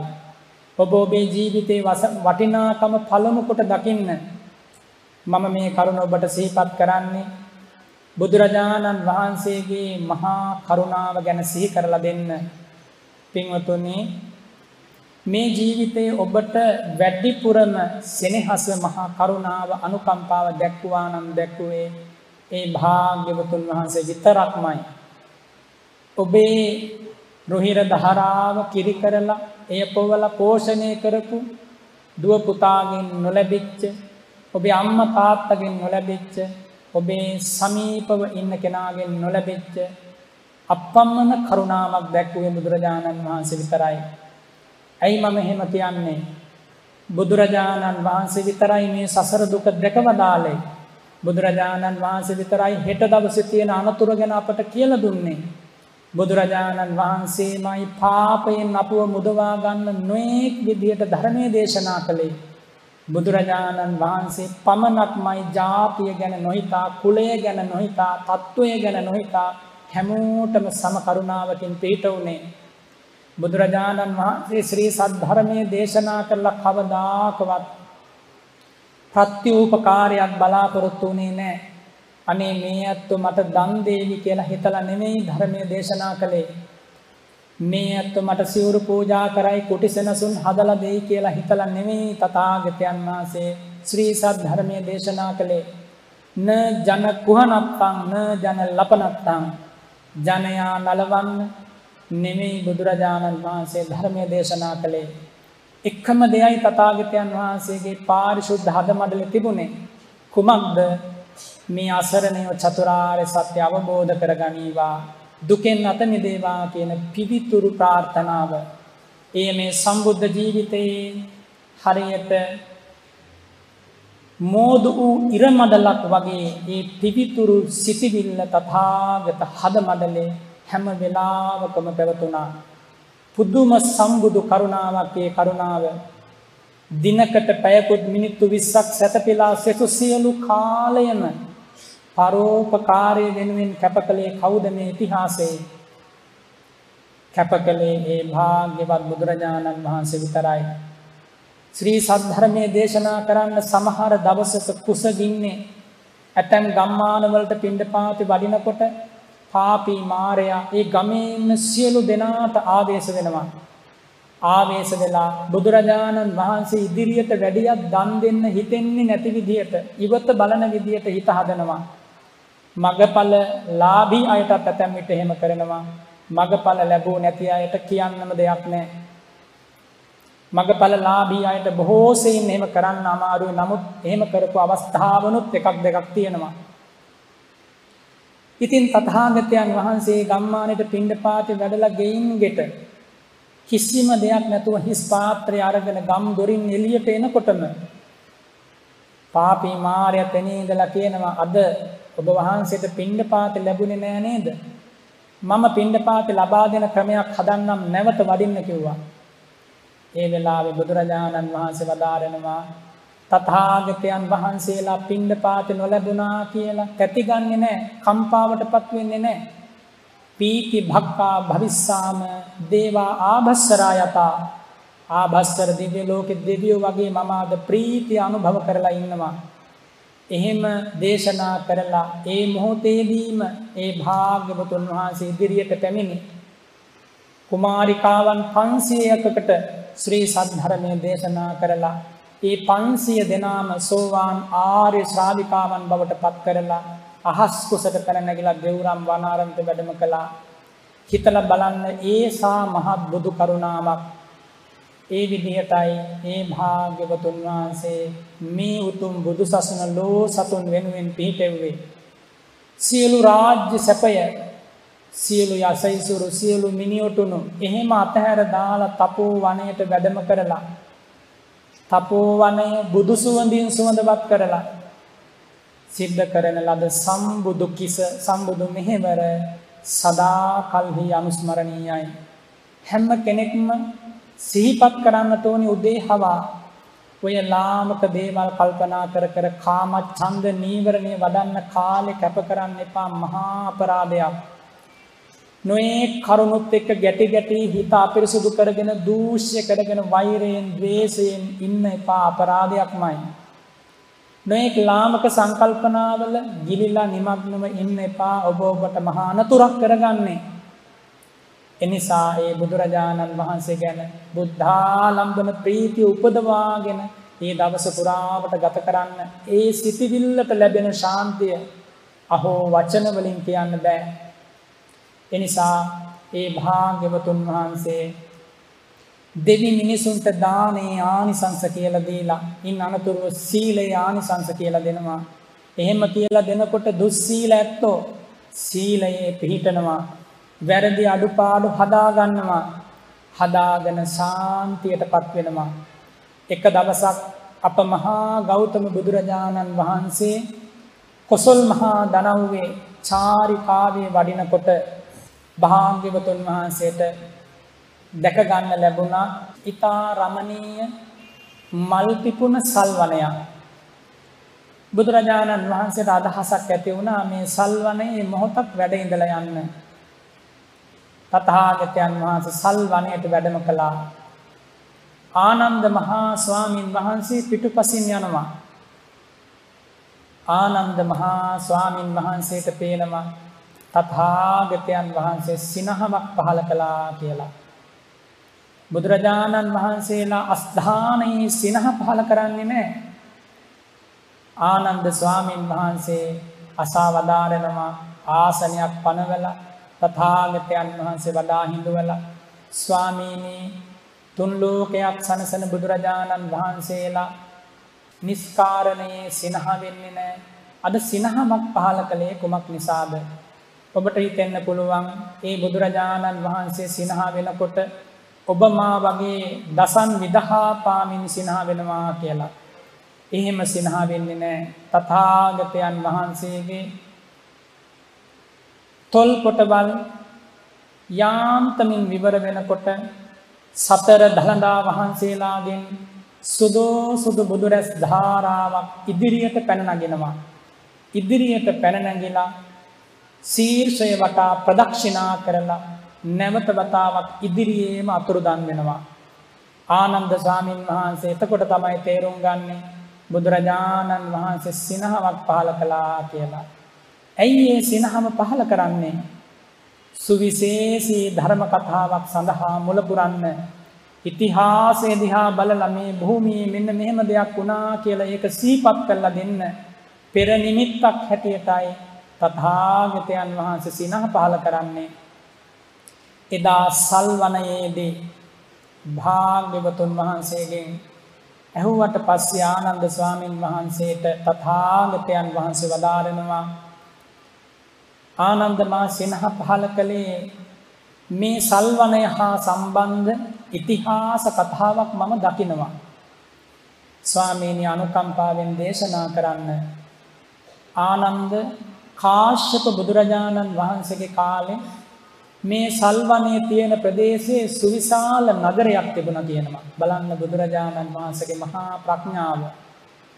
ආනන්ද ඒ නගරය බොහොම සමෘද්ධිමත් නගරයක්. ආකින්න මනුස්සා මිනිසුන්ගෙන් ගැවසිච්ච නගරයක්. ආනන්ද මේ නගරය ඇසුරු කරගෙන එදා කාශ්‍යප බුදුරජාණන් වහන්සේ අරහං සම්බුදුරජාණන් වහන්සේ වැඩ හිටියා. මේ නගරයට ඒ කාශ්‍යප බුදුරජාණන් වහන්සේ පිඬුසිඟා වැඩියා. ශ්‍රී සද්ධර්මය දේශනා කළා. ආනන්ද ඒ කාලේ මේ ප්‍රදේශයේ හිටියා සුසීම කියලා උපාසකයෙක්. මෙයාගේ පිරිවර 500කට ආසන්න ප්‍රමාණයක් ඉන්නවා. මේ සුසීම නම් වූ උපාසකතුමාට කාශ්‍යප බුදුරජාණන් වහන්සේ මුණ ගැහුණා. මුණ ගැහෙනකොට මේ උපාසකතුමාට කිසිම සීලයක් තිබුණ නෑ පංච දුස්චරිතයම වගේ කරනවා. හැබැයි බුදුරජාණන් වහන්සේ දැකපු ගමම්ම අපම්මන ශ්‍රද්ධාවක් ඇති වුණා. තම යහළුවන් සමග තථාගතයන් වහන්සේ සරණ ගියා. සරණ ගිහිල්ලා නිරන්තරයෙන් කාශ්‍යප බුදුරජාණන් වහන්සේට දම් පූජා කරනවා. එහෙම පූජා කරමින් ඉන්නකොට මේ උපාසකතුමාට හිතෙනවා මම මගේ මේ සියලු හිතවතුන්ට හරියට පින් උල්පතක් පාදලා දුන්නා. කාශ්‍යප බුදුරජාණන් වහන්සේ මුණ ගැස්සුවා. ධර්මයක් අහන්න සැලැස්සුවා. දැන් මම දන් දෙන කෙනෙක් මේ අත්තොත් දැන් දන් දෙනවා. මම මේ අත්තන්ට වඩා මගේ යහළුවන්ට වඩා වැඩියෙන් පින් රැස් කර ගන්න ඕන කියලා එයා හිතනවා මම අද ඉඳන් කිසිදාක පංචශීලයේ බිඳගන්නේ නැහැ. මෙහෙම අදිෂ්ඨාන කරලා උපාසකවරුන්ට ප්‍රකාශ කරනවා තමන්ගේ යහළුවන්ට මිත්‍රවරුනි මම අද පටන් දිවි තුරාවට පංචශීලයේ බිඳගන්නේ නැහැ. මම පන්සිල් රකින්න කෙනෙක් කොට ධරණසේක්වා කියලා ඒ අවස්ථාවේ ප්‍රකාශ කළා. උපාසකවරු කල්පනා කරනවා මගේ මිත්‍රයා අපට බොහෝසේ උපකාර කරන අපට ධර්මය කියලා දෙන අපේ යහළුවා පංචශීලය ආරක්ෂා කරනවා දැන් අපිත් ආරක්ෂා කරන්න ඕන කියලා මේ 500 දෙනාම දිවි හිමියෙන් ප්‍රාණඝාතාදියෙන් වෙන් වෙලා සිල්වතුන් බවට පත් වුණා නැවත වතාවක් සුසීම උපාසකතුමා කල්පනා කරනවා. මගේ යහළුවනුත් මාත් දෙපිරිසම සමානයි. දෙපිරිසම තිසරණයේ පිහිටලා දන්පැන් පූජා කරමින් දෙපිරිසම පංචශීලය රකිනවා. මම විශේෂයක් අතිරේකයක් වැඩියෙන් යමක් කරගන්නට ඕන. එහෙම හිතලා මේ උපාසකතුමා කල්පනා කරනවා. මම අද පටන් බ්‍රහ්මචර්යාවේ සමාදම් වෙන්නට ඕනි බ්‍රහ්මචාරී සීලයක් රකින්නට ඕන. දැන් ඒ උපාසකතුමා අදිෂ්ඨාන කළා එදා පටන් මම ආය කිසිදාක කාම සම්භෝගයක් කරන්නේ නැහැ. බ්‍රහ්මචාරී සීලයක් සමාදන් වෙනවා කියලා හිතුවා. හිතලා එදා පටන් බ්‍රහ්මචාරී සීලයක් සමාදන් වුණා. සමාදන් වෙලා Tamanගේ හිතවතුන් ළඟට ගිහිල්ලා කියනවා මම අද පටන් බ්‍රහ්මචාරී සීලය රකින බ්‍රහ්මචාරීකු කොට දරා ගන්න මතක තබා ගන්න කියලා. තමන්ගේ යහළුවනුත් මේ කතාව අහලා හිතනවා අපට වඩා ආනුභාවයක් තියෙන අපව තිසරණේ පිහිටවපු අපට බුදු සසුන හඳුන්වලා දීපු අපේ මිත්‍රයා දැන් බ්‍රහ්මචාරී කෙනෙක්. අපිත් බ්‍රහ්මචාරී වෙන්න ඕන. බලන්න හිතන හැටි සත්පුරුෂයන්ගේ සංකල්පනා එහෙම තමයි. ඒ අත්ත සියලු දෙනාම බ්‍රහ්මචාරී වෙනවා. දැන් උපාසකතුමා ඇතුළු සුසීම ඇතුළු 500 දෙනාම බ්‍රහ්මචාරී. උදේ හවා යනවා කාශ්‍යප බුදුරජාණන් වහන්සේ බහැ දකින්න. ශක්ති පමණින් දන්පැන් පූජා කරනවා. මිහිරි බුදුබණ පද අහනවා. මෙහෙම බණ අසමින් ඉන්නකොට සුසීම උපාසකතුමාට කල්පනාවට එනවා හිතට මමත් මගේ යහළුවනුත් සමානයි. මම යහළුවන්ට වඩා වැඩියෙන් දෙයක් කරන්නට ඕන. බලන්න ලෝකෙ මිනිස්සු ඔවුනොවුන් පරයා කාමයන් මත්තේ නැහෙද්දී සත්පුරුෂය කොහොමද හිතන්නේ කියලා. ඒ වෙලාවේ සුසීම උපාසකතුමා කාශ්‍යප බුදුරජාණන් වහන්සේගේ සිරිපා වන්දනා කළා. වන්දනා කරලා ප්‍රකාශ කරනවා ස්වාමීනි මම දුස්සීලෙක් වෙලයි හිටියේ. තථාගතයන් වහන්සේ නිසා මම සිල්වත් වුණා. ස්වාමීනි මම තද මසුරෙක් වෙලයි හිටියේ. භාග්‍යවතුන් වහන්සේගේ අසිරිමත් ජීවිතය දැකලා මට දන් දෙන්න හිතුණා. දැන් ස්වාමීනි මම උපරිමයෙන් දන් දෙනවා. ස්වාමීනී මම කාමයන් පිළිබඳව සෑහීමකට පත් නොවී ගෙදර හිටියේ. දැන් ස්වාමීනී මම බ්‍රහ්මචාරී කෙනෙක්. ස්වාමීනී මම මෙතනින් සෑහීමකට පත්වන්නේ නෑ. මගේ යහළුවොත් සියලු දෙනාම දැන් බ්‍රහ්මචාරී වෙලා ඉන්නේ. ස්වාමීනි අනුකම්පා කරලා මා පැවිදි කරන්න ආරාධනා කළා. කාශ්‍යප බුදුරජාණන් වහන්සේ සුසීම උපාසකතුමා පැවිදි කළා. දැන් මේ උපාසකතුමා සිල්වත් ස්වාමින් වහන්සේ කෙනෙක් බවට පත් වුණා. නොබෝ කලකින් මේ ස්වාමින් වහන්සේ වීරිය වඩලා සති සමාධි පුරුදු කරලා මහා රහතන් වහන්සේ නමක් බවට පත් වුණා. පත් වෙලා තමන්ගේ යහළුවන් දෙස බලනකොට යහළුවොත් තීරණය කරලා සුසීම උපාසකතුමා පැවිදි වුණා නම් මේ බුද්ධ ශාසනය ආශ්චර්යමත් පුලාර ශාසනයක්මයි අපිත් පැවිදි වෙන්න ඕන කියලා 500 දෙනාම කාශ්‍යප බුදුරජාණන් වහන්සේ ළඟ පැවිදි වුණා. පැවිදි වෙලා 500 දෙනාම සිව් පිළිසිඳියා ලාභී මහා රහතන් වහන්සේලා බවට පත් වුණා. එදා අප මහා ගෞතම බුදුරජාණන් වහන්සේ සල් වනයේ වැඩ ඉඳගෙන මේ කතාව ආනන්ද ස්වාමීන් වහන්සේට වදාලා මම මේ කරුණ ඔබට සිහිපත් කරලා දුන්නේ බුද්ධ ශාසනය අසිරිමත් බව කියා දෙන්න. තථාගත ගුණෙහි මහත්වය කියා දෙන්න බුදුරජාණන් වහන්සේගේ ජීවිතේ ආශ්චර්යමත් භාවය ඔබට තේරුම් කරලා දෙන්න කොච්චර වැරදි කළා තිබුණත් බුදුරජාණන් වහන්සේ යාව එලවන්නේ නැහැ කොච්චර පව්කම් කළා තිබුණත් බුදු කරුණාව යාට ඒකාන්තයෙන් ලැබෙනවා. අජාත සත්තු කියන්නේ තාත්තා මරපු ආර්ය ශ්‍රාවකෙක් ඝාතනය කරපු පාපී රජෙක් වෙලා හිටියේ. හැබැයි අජාත සත්තු එදා බුදුරජාණන් වහන්සේ බැහැ දකින්න මහා රාත්‍රියේ වන අරණට ආපු වෙලාවේ තථාගතයන් වහන්සේ වදාරමින් හිටපු දේශනාව නතර කරලා අජාත සත්තුට අවසර දුන්නා. බුදුරජාණන් වහන්සේ හා වචනයක් කතා කරන්න බලන්න ආනන්තරයේ පාප කරපු කෙනෙක්වත් තථාගතයන් වහන්සේ ප්‍රතික්ෂේප කරන්නේ නැහැ. හැබැයි එයාට ධර්මය නම් අවබෝධ කරගන්න බෑ ඒ ජීවිතයේ. එතනින් මෙහා මොන වැරද්ද වෙලා තිබුණත් පෙර පින් තියෙනවා නම් ධර්මය අවබෝධ කරගන්න. ඒ අසිරිමත් අවස්ථාව යාට ඒකාන්තයෙන් ලබා දෙනවා. බුදුරජාණන් වහන්සේගේ කරුණාවේ අසිරිය ඒකයි කියන්නේ මෙපමණයි කියන්න බෑ එය මහා කරුණාවක් කියලා. මහා කරුණාව හිමි එක්කම ශාස්ත්‍රඥ වහන්සේ බුදුරජාණන් වහන්සේ පසේ බුදුරජාණන් වහන්සේගේ කරුණාවට මහ කරුණාව කියන්නේ නැහැ. රහතන් වහන්සේලාගේ කරුණාවට මහ කරුණාව කියන්නේ නැහැ. ලෝතුරා බුදුරජාණන් වහන්සේගේ කරුණාවට පමණයි මහා කරුණාව කියන්නේ.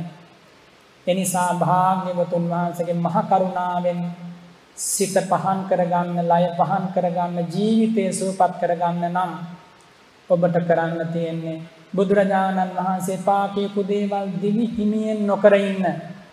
කරන්න කියපු දේවල් ජීවිතේ පරිත්‍යාග කරලා හරි සිද්ධ කළොත් අන්න එදාට ඔබට බුදු කරුණාව අඩුවක් නැතුව ලැබෙනවා. මොනවද කරන්න එපා කිව්වේ? ලෝභය ඇති කරගන්න එපා ද්වේෂය ඇති කරගන්න එපා දුස්සීල වෙන්න එපා කියලා වදාලා දන් දෙන්න කියලා වදාරමින් දාන කතාව ගැන කරුණාවෙන් කියා දුන්නා. සිල් ආරක්ෂා කරන්න කියලා වදාරමින් සුසීලා හෝත භික්කවෝ මහණෙනි නුඹලා සියලු දෙනාම සිල්වතුන් වෙන්න. එහෙම වදාරමින් සීලය ආනිසංස කියලා දුන්නා. දන් දීලා සිල් ආරක්ෂා කළේ නැත්නම් කාමයන් ලැබෙයි හැබැයි තිරිසන් වගේ ලෝකවල ගිහිල්ලා දන් දීලා සිලුත් ආරක්ෂා කරොත් සුගතියක ඉපදිලා බොහෝ සැප සම්පත් ලබන්න ලැබෙනවා හැබැයි දන් පූජා කළා සිලුත් ආරක්ෂා කළා සමත විදර්ශනා භාවනා කළොත් ආන්න එහෙම කෙනෙකුට පමණයි ප්‍රඥාව පහළවන්නේ. එනිසා දන් දුන් කෙනෙක් සිල් දැකපු කෙනෙක් සුගතිය යනවා කියන එක අහන්න දෙයක් නැහැ. මෙතන ඉන්න යම් කිසි කෙනෙක් මේ මොහොතේ ඇහෙන මේ බණපදය ගැන මෙනෙහි කරලා සිත පහදවාගෙන ඒ භාග්‍යවතුන් වහන්සේ අනන්ත ගුණයෙන් යුක්තයි කියන ওই කල්පනාව හිතේ තියෙන වෙලාවේ මලොත් සුගතියේමයි උපදින්නේ. දෙව්ලොව උපදින්න තරම් මේ පින් සිතවිල්ල බලවත්. අවුරුදු කෝටි ගණනක් දිව්‍ය ආයුෂ ඔබට ලබා දෙනවා. සැප වර්ණයේ ඉසුරු ලබා දෙනවා. එය එහෙම්මමයි. මනුස්ස ලෝකේ ඉන්න හිතුවොත් ඒත් මනුස්ස ලෝකෙට ඇවිල්ලා මහේශාක්‍ය ජීවිත ලැබෙනවා. හැබැයි භාග්‍යවතුන් වහන්සේ මේ දේවල් දේශනා කරලා අවසානි වදාරනවා කාමානං ආදීනම මේ කාමයන්ගේ ආදීනම පින්වතුනි බුදුරජාණන් වහන්සේ තරම් කාමයන්ගේ ආදීනව දැකපු එකම ශාස්ත්‍රවරයෙක්වත් ඉතිහාසයේ නැහැ. අට්ඨි කංකලූපමා කාමා කියලා බුදුරජාණන් වහන්සේ වදාලා දිව්‍ය ලෝකයේ තියෙන කාමයනුත් මනුස්ස ලෝකයේ තියෙන කාමයනුත් මොනවද කාමයන් කියන්නේ? ප්‍රියමනාප දූ දරුවෝ ස්වාමි භාර්යාවරු ගේ දොර ඉඩකඩම් වතු කුඹුරු පිටි යාන වාහන මිනිසුන්ට සැපය සතුට උපදවලා දෙන ඇඳුම් වස්ත්‍රාභරණ කෙලිසෙල්ලම්. මේ සෑම දෙයකටම තියෙනවා කාමය කියලා මේ ධර්මය තුල ඔය කාමයන් නිසා පුද්ගලයෙකුට ප්‍රනීත ආස්වාදයක් ලැබෙනවා. සාමාන්‍යයෙන් මනුස්ස ලෝකේ දිව්‍ය ලෝකේ ඉන්න කෙනෙකුට කාමයන් තරම් ආස්වාදයක් ඇත්තේම නැති තරම් මේ ධර්මය පුරුදු කළා නැත්නම් ඒ කාමයන්ම ප්‍රියමනාප රූප ශබ්ද ගන්ධ රස පොට්ටබ්බ වශයෙන් ජීවිතයට සම්බන්ධ වෙනකොට පංච කාමය කියලා කියනවා. මේ පංච කාමයන් බුදුරජාණන් වහන්සේ වදාරනවා වස්තු කාමය ක්ලේශ කාමය කියලා කාමයන් දෙකක් හැටියට. ඔය කියන ලද සියලුම වස්තුන් සචිත්තක අචිත්තක ඒවට කියනවා වස්තු කාමය කියලා ඒ පිළිබඳව හිතේ ඇතිවන්නා වූ බලවත් බැඳීමට කියනවා ක්ලේශකාමය කියලා. මේ දෙකෙන් බලවත් වන්නේ කුමක්ද ක්ලේශකාමය. ක්ලේශකාමය කියන්නේ අර කියන ලද දේවල් පිළිබඳව හිතේ ඇතිවන බලවත් බැඳීම, බලවත් ආදරය, බලවත් ප්‍රේමය මෙන්න මේකට කියනවා කාමය කියලා ක්ලේශකාමය. මිනිසුන්ව මුලාවටපත් කරන්නේ නැති කරන්නේ අන්ධයන් කරන්නේ මේ කියපු කාමයන්. ඔබ අතීත සංසාරයේ නිරයට ඇදලා දැම්මනම් ඇදලා දැම්මීම කාමච්ඡන්දය නිසා, ව්‍යාපාදේ නිසා, නීවරණ නිසා, කාමයන් නිසාමයි. ඔබ මේ මනුස්ස ලෝකෙට අද ඇවිල්ලා ඔය කන් ඇහෙනවා දැන් මේ වෙලාවේ දැස පේනවා මේ බණපදයේ තේරෙනවා මේ අවස්ථාව ලැබුවේ කාමයන් පරිත්‍යාග කළා කාම විරාගීව යම් පමණකින් හෝ සිත පවත්වපු නිසාමයි පෙර ජීවිතයේ අවසාන මොහොතේ මැරෙන වෙලාවේ කාමුක සිටිවිල්ලක් හිතට ආවනම් කාපු කෑමක් ගැන හිතුවනම් ඇඳපු ඇඳුමක් ගැන හිතුවනම් ඒ වගේම රස විඳපු යමක් ගැන හිතුවනම් ආස්වාදයක් වින්දනයක් ගැන මෙනෙහි කළා නම් අද ඔබ මනුස්ස ලෝකේ නැහැ. ඔබ ඒ එකම සිටිවිල්ලක්වත් මෙනෙහි නොකර ඔබ සිද්ධ කරලා තියෙන යහපත් දෙයක් හොඳට සිහි කරගත්තා මරණාසන්න මොහොතේ මාරාන්තික වේදනාව ඉදිරියේ පවා ඔබ ඒ සිත වෙනස් වෙන නොදී රැකගත්තා. එනිසාද ලස්සන මිනිස් ජීවිතයක් ලැබුණා. මේ කාමයන්ට මුසපත් වෙච්ච මිනිස්සු ඔබත් එක්කම ඉඳලා ඔබේ අම්මා තාත්තා සහෝදර සහෝදරියෝ ස්වාමි භාර්යාවරු දුව දරුවෝ ඊතාපේ මනාපව ඇඟැලුම්කම් තබාගත් උදවිය මේ මොහොතේ පවා යොදුන් 15000ක් යටින් පිහිටලා තියෙන නිරයේ පැසෙනවා. ඒව ඔබට පේන්නේ නැහැ. ඔබ අවුරුදු 50කට 60 70කට මනුස්ස ලෝකේ తాවකාලික සැනසුම් සුසුමක් මේ වෙලාවේ ගන්නවා හෙලනවා. හැබැයි මේ නතර වෙන්න කලින් මේ ධම අවබෝධ කරගත්තේ නැත්නම් කාමයන්ට නැවත මුසපත් වුණොත් ඔබට ආයිමත් අර දුකට වැටෙන්න වෙනවා.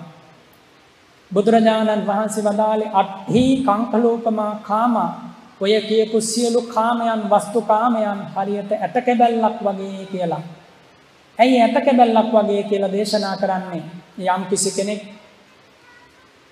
නුවණින් ලෝකයේ දෙස විමසනකොට පේනවා ඔය සුනකයෙකුට වගේ කෙනෙකුට කුසගින්නේ ඉන්න සුනකයෙකුට මස් කඩයක් ළඟින් යනකොට ඇට කැබැල්ලක් විසිකලොත් මස් නැති ලේ නැති නහර නැති ඇට කැබැල්ලක් විසිකලොත් මේ සුනකයා මේ ඇට කැබැල්ල හපනවා හපන්න හපන්න මෙයාට වෙහෙසක් ඇති වෙනවා. කෙල බේරෙනවා අන්තිමට තොලකට බේරෙනවා කුස සංසිඳෙන්නේ නැහැ කුසගින්න සංසිඳෙන්නේ නැහැ. මොකද වෙන්නේ අවසානයේදී වෙහෙසක් පමණයි තමන්ගෙම තල්ල තුවාල වෙලා ලේ ගලනවා. එයා හිතනවා මේ ලේ රස මේ ඇට කැබැල්ලෙන්මයි එන්නේ කියලා. හැබැයි මේ ලේ රස තමන්ගේ තල්ල තුවාල වෙලා එනවා කියලා එයාට කියලා දෙන්නත් බෑ. කියලා දෙන්න කෙනෙකුත් නෑ. එයාට අවසානයේදී මේ ඇට කැබැල්ල නිසා මහා වෙහෙසක් දාහ කරගතියක් පීඩාවක් ඇති වෙනවා. ඒ සුනකයාට ඇට කැබැල්ල නිසා යම් වෙහෙසක් පීඩාවක් මුලාවක් ඇති වෙනවා නම් ඔබට මේ ජීවිතේ ඔබ ලං කරගත්ත කාම වස්තුන් නිසා එකී මුලාව ඒ ආකාරයෙන්ම ඇති වෙනවා. ඔබත් මේ ජීවිතේ මොන තරම් දේවල් රැස් කළාද? ඒ රැස් කරපු දේවල් අවසානයේ ඔබට එක්ක අහිමි වුණා. ඔබ මේ දේවල් වලින් සමුගන්නවා. අහිමි වෙලා නැති වෙලා සමුගනිද්දි මහා වෙහසක්මයි. වතු කුඹුරු පිටි ගේ දුර හදන්න වවන්න දේවල් රැස් කරගන්න කෑම බීම උපයන්න සපයන්න ඇඳුම් පැනඳුම් ගන්න අඳින්න ඉගෙන තියාගන්න. මේ ජීවිතේ යන්තම් මේ ඉන්න තත්වයට ගොඩ දාගන්න කොච්චර ඔබ වෙහෙසුණාද? වෙහෙසිලක් ඔබේ මනසේ තියෙන උවමනාවේ පමණින් මේ දේවල් ලැබිලා නැහැනේ. මෙතන ඉන්න කෙනෙක්ගෙන් මම ඇහුවොත් ඔය ඇත්තෝ ලබලා තියෙන කාම වස්තුන් පිළිබඳව සෑහීමකටපත් වෙනවද කියලා? කවුරුවත් කාටවත් බෑ අවංකව කියන්න නෑ මම සෑහීමකටපත් වෙනවා කියලා. එහෙම සෑහීමකටපත් වෙන්නේ නෑ සෑහීමකටපත් වෙනවා නම් පත්වන්නේම මේ ධර්මය අවබෝධ කරගත්ත කෙනෙක්මයි.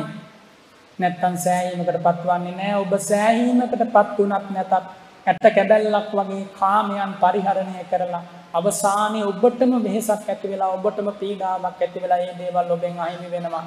ඔබ ආදරය කරන දේවල් ඔබ ආදරය කරන පුද්ගලයෝ සමීපයෙන් හිටපු අය කී දෙනෙක් ඔබට දුක් දීලා වෙහෙස දීලා පීඩාව දීලා කඳුල දීලා ඔබෙන් අයින් වෙලා ගියාද? ඔබ බලාපොරොත්තු වෙච්ච බොහෝ දේවල් ඔබේ ළඟට නැවිලා ඔබෙන් අහිමි වෙලා ගියාද? ඔබම මේවා හොඳට හිතන්න. එනිසා තථාගතයන් වහන්සේ වදාරනවා කාමයන් කියන්නේ හරියට මස් පිඬුවක් වගේ කියලා. මංස පේසෝපමා කාමා. ඇයි මස් පැදල්ලක් වගේ කියන්නේ? උකුස්සෙක් වගේ සතෙක් මස් පැදල්ලක් තුඩගින් දැහැගෙන අහසට අහසේ පියාඹගෙන යනකොට දකින උකුස්ස වගේ සත්තු මේ පක්ෂයාට මේ මාංශ පටලයේ මස් වැදල්ල අතහරින කම්ම කොටනවා. බිමට වැටෙන කම්ම කොටනවා. අතහැරියේ නැත්තම් සමහර විට ජීවිතය අතහරින්න වෙනවා.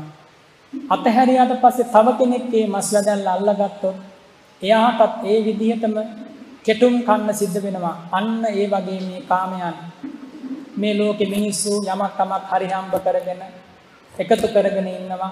තව බොහෝ දෙනා බලාපොරොත්තු වෙනවා මේ දේවල් අවස්ථාවක් ලැබුණොත් පැහැර ගන්න. කාමයන් කියන්නේ හැමෝටම පොදු දේවල්. එනිසා කවුරුත් කැමති කවුරුත් පොදු දේවල් රැස් කරගෙන ඉන්න කෙනෙකුට බය, පැති ගැනීම, පීඩාව ඒ වගේ දේවල් නිරන්තරයෙන් ඇති වෙන නිසායි බුදුරජාණන් වහන්සේ කාමයන් මස්සදල්ලකට උපමා කරලා දේශනා කළේ. තිනුක්කූපමා කාමා හරියට තනසුලක් වගේ. ඇයි තනසුලක් වගේ කියන්නේ? තනසුලක් ගිනි ගිනි ඇවිලෙන තනසුලක් අතට අරගෙන නිසල්වන්ව තබාගෙන ඉන්නකොට ඒ තනසුල ඇවිලි ඇවිලි ඇවිල්ලා අවසානයේ අතහැරියේ නැත්නම් අත පිච්චෙනවා. අන්න ඒ වගේ බොහෝම ආදරයෙන් වුවමනාවෙන් රැස් කරගත්ත දේවල් යමෙක් නුවණින් සලකලා අතහැරියේ නැත්නම් ඉවත දැම්මේ නැත්නම් අල්ලගෙන හිටියොත් එයාට යම් වෙලාවක ඒ පීඩාව ඒ දැවිල්ල ඒ තැවිල්ල ඇති වුණාට පස්සේ කාමයන්ගෙන් මුසපත් වෙලා ගැලවීමක් නැතිවන විදිහට මනසින් ඇදගෙන වැටෙනවා.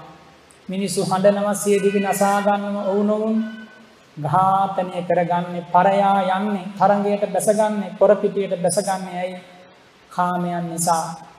ඒ වගේම බුදුරජාණන් වහන්සේ වදාරනවා රුක්ඛ පලූපමා කාමා කාමයන් කියන්නේ හරියට මිහිරි ගෙඩි තියෙන ගසක් වගේ කියලා. වනාන්තරයක කුසගින්නේ ඇවිදගෙන යන කෙනෙකුට මිහිරි ගෙඩි තියෙන ප්‍රනීත ගෙඩි තියෙන ගසක් දැක ගන්න ලැබෙනවා. ඒ අත්ත ගහට නැගලා ප්‍රනීත ගෙඩි කඩාගෙන අනුභව කරනවා. තවත් කෙනෙක් එනවා මේ මාර්ගය ඇවිදගෙන එයාට ගස් නගින්න බෑ හැබැයි හොඳටම කුසගින්න ඇති වෙලා තියෙන්නේ. අපේ පොරවක් තියෙනවා මේ පොරවෙන් ගහ කපනවා. ගහ කැපුවට ගහ කපනකොට අර ගහේ ඉන්න කෙනා බිමට දැස්සේ නැත්නම් අනිවාර්යෙන් එක්ක මරණය එහෙම නැත්නම් මරණය හා සමාන දුකක් ඇති වෙනවා. බුදුරජාණන් වහන්සේ වදාරනවා මේ කාමයනුත් ඒ වගේ කියලා. අතහැරියේ නැත්නම් කොයි වෙලාවක හරි එක්ක මරණය නැත්නම් මරණය හා සමාන දුකක් ඇති වෙනවා. ඔන්න බලන්න කාමී ආදීනම දේශනා කරන හැටි. ඒ වගේම බුදුරජාණන් වහන්සේ වදාරනවා මේ කාමයන් කියන්නේ හරියට මස් කපන කඩුවයි කොටයයි වගේ කියලා. අසිසිනූපමා කාමා ඒ මස් කපන කඩුවෙන් කොටයෙන් කොච්චර හරි මස් කැපි කැපි යනවා. අන්න ඒ වගේ මේ ලෝකෙ මිනිස්සු නොයෙක් විදිහේ කලකෝලාහල ඇති කරගන්නේ රණ්ඩු සරුවල් ඇති කරගන්නේ අම්මල තාත්තල රණ්ඩු වෙන්නේ දුවා දරුවෝ රණ්ඩු වෙන්නේ සහෝදර සහෝදරියෝ රණ්ඩු වෙන්නේ ගිහි ජීවිතවල ඉන්න ඇත්තු රණ්ඩු වෙන්නේ පැවිදි ජීවිත ගත කරන ඇත්තු රණ්ඩු වෙන්නේ වෙන කිසිම දෙයක් නිසා නෙමෙයි මේ කාමයන් නිසාමයි එනිසා කාමයන් කියන්නේ හැමදාම අවුල් වියවුල් ඇති කරන ධර්මතා. එහෙම හිතලා කාමයන් පිළිබඳව කලකිරුණේ නැත්නම් එයාට කවදාකවත් මේ සසර දුකින් ගැලවෙන්න ලැබෙන්නේ නැහැ. බුදුරජාණන් වහන්සේ දේශනා කරනවා කාමයන් කියන්නේ අංගාර කාසු සදිසං. හරියට ගිනි අඟුරු වලක් වගේ කියලා. ගිනි අඟුරු වලකට යම් කිසි කෙනෙක් වැටුණොත් දැවෙන තැවෙන හැටි ආය කියන්න දෙයක් නැහැනේ. ඔබත් ඔය කාමයන් අතහැරියේ නැත්නම් ඔබටත් මේ දැවිල්ල නොබෝ කලකින් ඇති වෙනවා මේවා හේද්දී ඔබට හිතෙන්න පුළුවන් කොහොමද මම කාමයන් අතහරින්නේ කියලා ඒ කරුණ මම ඔබට කියලා දෙන්නම්. බුදුරජාණන් වහන්සේ වදාරනවා ඔය කියපු කාමයන් පිළිබඳව යම් කිසි කෙනෙකුගේ හිතේ ඡන්ද රාගයක් තියෙනවා නම් හිතේ ඇති වෙලා තියෙන බලවත් බැඳීම බලවත් උවමනාව බලවත් ආසාව ටික ටික අඩු කරගත්තොත් ඒ පිළිබඳව තියෙන ඕනෑකම ටික ටික හිත ඇතුලෙන් අඩු කරගත්තොත් අන්න එයාට පුළුවන් කාමයන් දුරු කරන්න. කාමයන් දුරු කරනවා කියන එකෙන් අදහස් කරන්නේ වස්තු කාමයන් අයින් කරනවාම කියන එක නෙමෙයි. ඒ වස්තු කාමයන් පිළිබඳව යම් බැඳීමක් ආදරයක් ප්‍රේමයක් තියෙනවා නම් අවබෝධයෙන් යුක්තව ඒ බැඳීම නැති කරගන්න කියලා ඒ බුදුරජාණන් වහන්සේ වදාරන්නේ ඒ බැඳීම ඇති නැති කරගත්තේ නැත්නම් ඔබට අඬන්න වෙනවා, වැළපෙන්න වෙනවා, ශෝක කරන්න වෙනවා. ඒ හැඬිල්ල වැළපිල්ල ශෝක කිරිල්ල නැති වෙන්නේ කාම ඡන්දය අතහැරියොත් පමණයි. එනිසා මෙතන ඉන්න මේ බණපදය ඇහෙනමානේ හැම කෙනෙක්ම මෙව හොඳට සිතන්න. ආය අවස්ථාවක් එන්නේ නැහැ මේ ගැන මෙනෙහි කරන්න. ඔබ අද වෙනකන් ජීවිතේ ගත කරපු හැටි හොඳට හිතලා බලන්න. මෙතන ඉන්න අයගෙන් මම ඇහුවොතින් මේ පින්වත් පිරිස වැඩිපුරම මේ ජීවිතයේ ගත කරපු දවස් ගානින් වැඩිපුරම දවස් ගානක් සිල්වත්ව පිරිසිදු සීලයක් ඇතිවද ජීවත් වෙලා තියෙන්නේ පිරිසිදු සීලයක් නැතිවද කියලා ඔයත් හිතලා හිතලා බලන්න. ඔයත්න්ට කෙබඳු පිළිතුරක්ද ලැබෙන්නේ ලබා දෙන්න පුළුවන් වෙන්නේ. ඔයත් ජීවත් වෙච්ච දවස් ගණනින් වැඩි දවස් ගණනක් දන් පෙන් පූජා කරමින්ද ගත උනේ දන් නොදීද ගත උනේ ජීවත් වෙච්ච වැඩි දවසක් උදේ හවා භාග්‍යවතුන් වහන්සේට වන්දනාමාන කරමින්ද ගත වුණේ නැතුවද ගත වුණේ? ගත වෙලාගේ උපෝසත පෝය දවස් සිල් සමාදම් වෙලාද ගත වුණේ නැතිවද ගත වුණේ? උදෑසන කාලයන්හි සවස් කාලයන්හි බුද්ධානුසති භාවනාව මෙත්සිත ප්‍රගුණ කරමින්ද ගත වුණේ නැතිවද ගත වුණේ? ඔය ඇත්තම හිතලා බලන්න. ඔය අත්තන්ගේ ජීවිතවල අඩුවෙන්නම් ධර්මයේ පුරුදු වෙලා තියෙන හෙට දවසෙත් ඒ අඩුව අරගෙන ගියොත් මැරෙන වෙලාවේ කාමයන් අතහැර දාලා යන්න වෙනකොට හරියට හිතට බලවත් කුසලාරම්මණයකුත් නොයනකොට හිත නතර වෙන්නේම පසුතැවීම තුල හැඬීම තුල එනිසා පසුතැවෙන්න හඬන්න කවුරුවත් වැඩ කරගන්න එපා දන් දුන්නොත් සැප ලැබෙනවා සිල් රැක්කොත් සැනසීම ලැබෙනවා දිව්‍ය ලෝකේ භක්ම ලෝකේ යන්න ලැබෙනවා. හැබැයි කාමයන් ආදීනම සහිතයි. එහෙනම් කාම විරාගයේ පිනිස කටයුතු කරන්නට ඕන. කාම විරාගී භාවනාවන් සිද්ධ කරන්නට ඕන. අන්න ඒ කාරණය දේශනා කරමින් භාග්‍යවතුන් වහන්සේ භාග්‍යවතුන් වහන්සේ ළඟට ධර්මය අසන්නේ නායට සාමුක්ඛංශික ධර්ම දේශනාව සිද්ධ කරනවා. කුමක්ද සාමුක්ඛංශික ධර්ම දේශනාව කියන්නේ? ඔය කියපු සියලු කරුණු දේශනා කරලා දානය ගැන විපාක ගැන කියලා දීලා සීලය ගැන කියලා දීලා දෙව්ලොව බඹලොව ගැන කියලා දීලා මිනිස් ජීවිතය ගැන කියලා දීලා අවසානයේ ඒ සියලු දේවල් හරශූන්‍යයි ඒ දේවල් වල ගතමනා දෙයක් නැහැ අනිච්චා අද්දුවා කාමා බහු දුක්ඛා මහා විසා. ඔය කාමයෝ අනිත්‍යයි ඔව දුකයි අනාත්මයි මහ විසක්මයි පීඩාවට හේතු වෙනවා. මෙහෙම දේශනා කරලා සසර ගමන පිළිබඳව තැති ගැනීම සංවේගය කලකිරීම ඇති කරනවා. ඔබ හිතන්න මෙතන ඉන්න මේ ඇත්තෝ මේ මහ පොළොවේ මිනිස් ජීවිත ගත කරද්දී අතීත සංසාරේ මොන තරම් ධන සම්භාරයන් රැස් කරන්න ඇතිද කියලා. මොන තරම් දරුවන්ට දූවරුන්ට පුත්‍රයන්ට කිරි දෙන්න ඇතිද? මොන තරම් අටුකොටු පුරවාගෙන ඉන්න ඇතිද? මොන තරම් ගත සරසන්න ඇතිද? කොච්චරනම් ඔබ කාම වස්තුන් එකතු කරන්න ඇතිද? මේ මහ පොළොවේ ඉන්න සියලු මිනිසුන් මිනිසුන් ඔබේ පෙම්වතා පෙම්වතිය වෙලා ඉන්න ඇති. ස්වාමියා භාර්යාව වෙලා ඉන්න ඇති. අම්මා තාත්තා වෙලා ඉන්න ඇති. මේ භාග්‍යවතුන් වහන්සේනේ දේශනා කරන්නේ මහණෙනි නුඹලා මහමග ඇවිදගෙන යද්දී දුරූපේකං ඊතා විරූපී වූ දුක්ගත දුකටපත් වෙච්ච කවුරු හරි කෙනෙක් දැක්කොත් නුඹලා හිතන්න මහණෙනි මේ අතීත සංසාරයේ මම කොච්චරනම් ජීවිතවල මෙහෙම වෙලා ඉන්නේ ඇතිද කියලා. අන්නේ විදියට හිතනකොට මේ මහ පොළොවේ අද වෙනකොට ඉන්න කෝටි 7-800ක ජනතාව මිනිස් ලෝකේ විතරක් ගත්තොත් ඒ සියලු දෙනාම අපේ අම්මලා වෙලා තාත්තලා වෙලා සහෝදර සහෝදරියෝ වෙලා හිතවතුන් වෙලා ස්වාමි භාර්යාවරු වෙලා ඉතිහාසෙ හිටියනේ. ඒ එක දෙයක්වත් දැන් අපිට මතකත් නෑ දැන් අපේ ළඟ ඇත්තෙත් නෑනේ. නොදන්නා කම නිසා hina වෙනවා මිසක් දන්නව නම් ලෝකේ කවුරුවත් hina වෙන්නේ නෑ මේවට. දන්නේ නැතිකම නිසාමයි අදහා ගන්න බැරි වෙලා තියෙන්නේ. අදහා ගන්න බැරි හින්දාමයි ශ්‍රද්ධාව පිහිටලා නැත්තේ.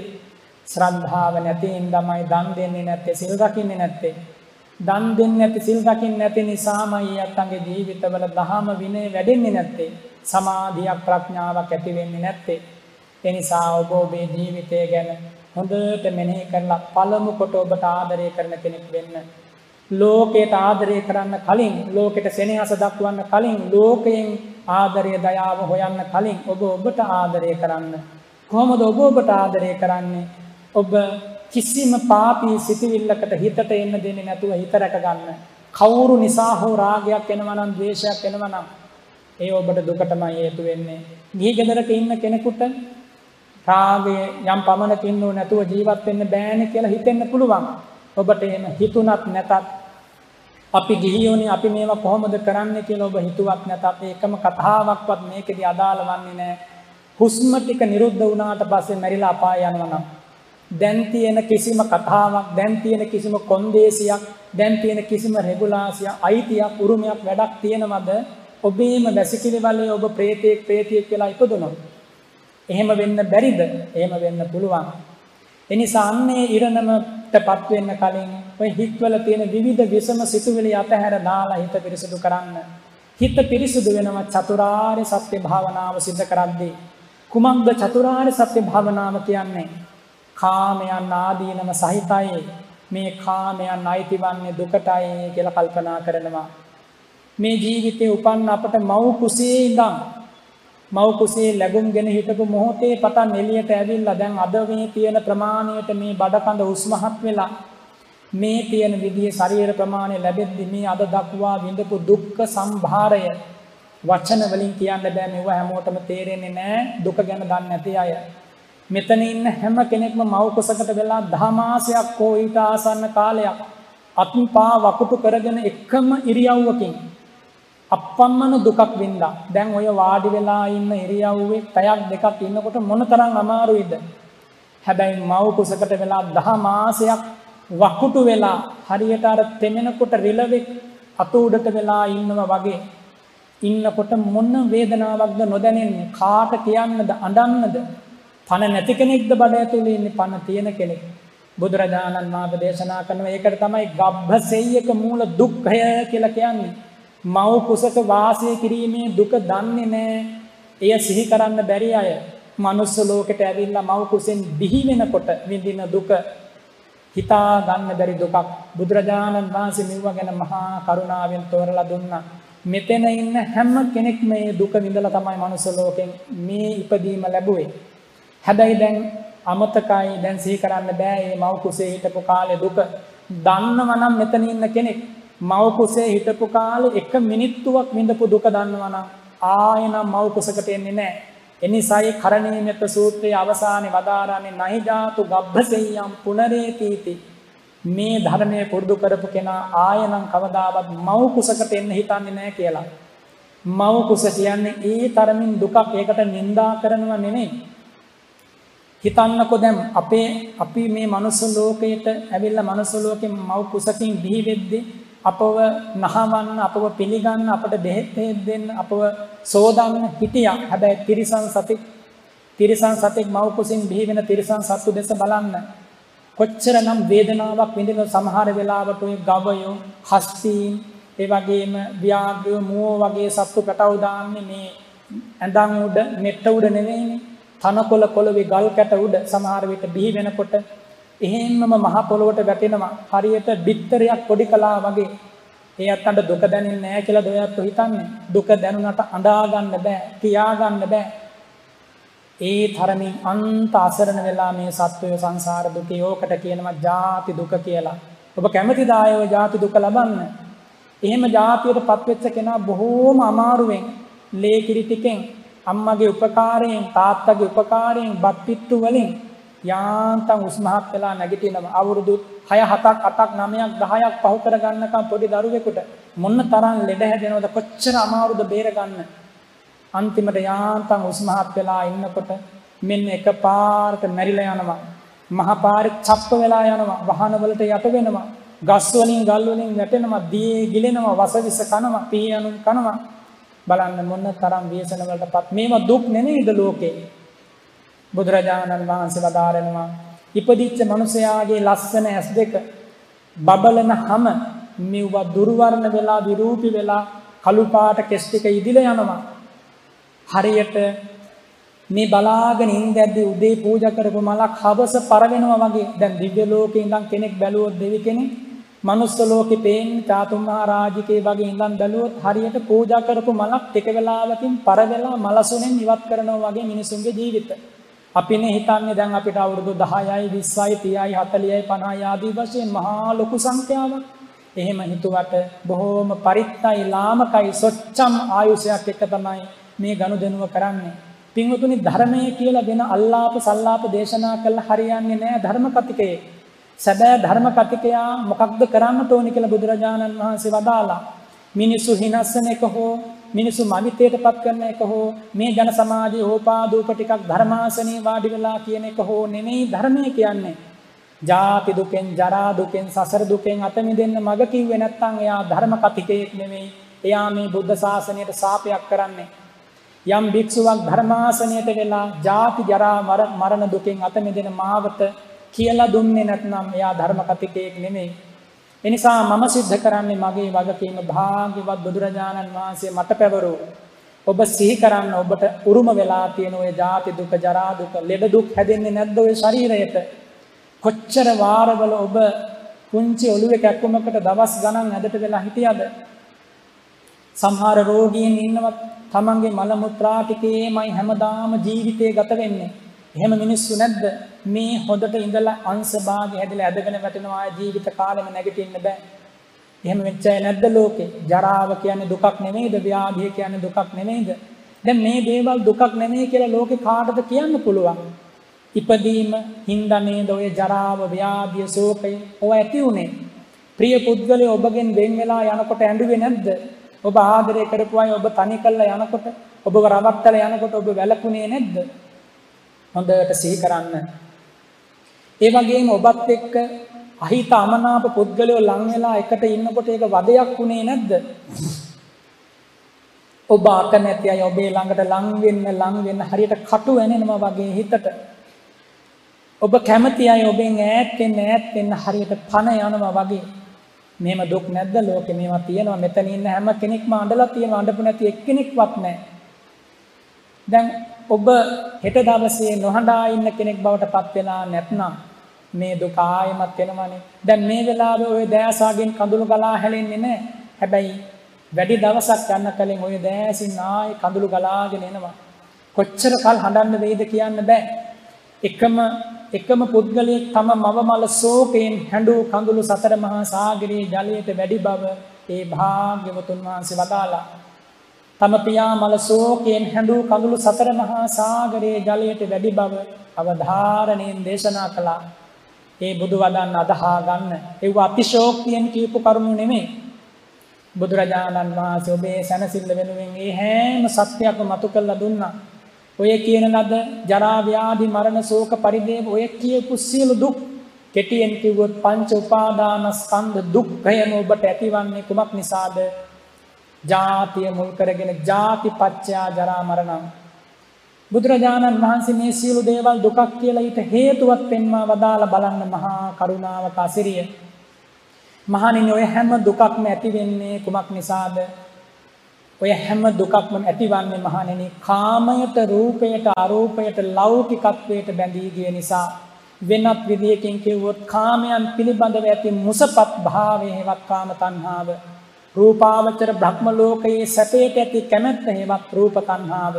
අරූපාවචර බ්‍රහ්ම ලෝකයේ සැපයට ඇති කැමැත්ත හෙවත් අරූප තණ්හාව තවත් විදිහකින් කිව්වොත් කාමයන්ට භවයෙන් භවය නැවත නැවත ඉපිද ඉපිද මෙරි මෙරි යන්නට තියෙන ඒ භව ඡන්දය භව රාගය කාම රාග භව රාග විභව රාග කොයි විදිහට ගත්තත් කාම තණ්හා වශයෙන් හෝ භව තණ්හා වශයෙන් හෝ විභව තණ්හා වශයෙන් හෝ යමෙකුගේ හිතේ ඔය කියපු කාම වස්තුන් පිළිබඳව බැඳීමක් වේ නම් අන්න එයයි දුකට හේතුව.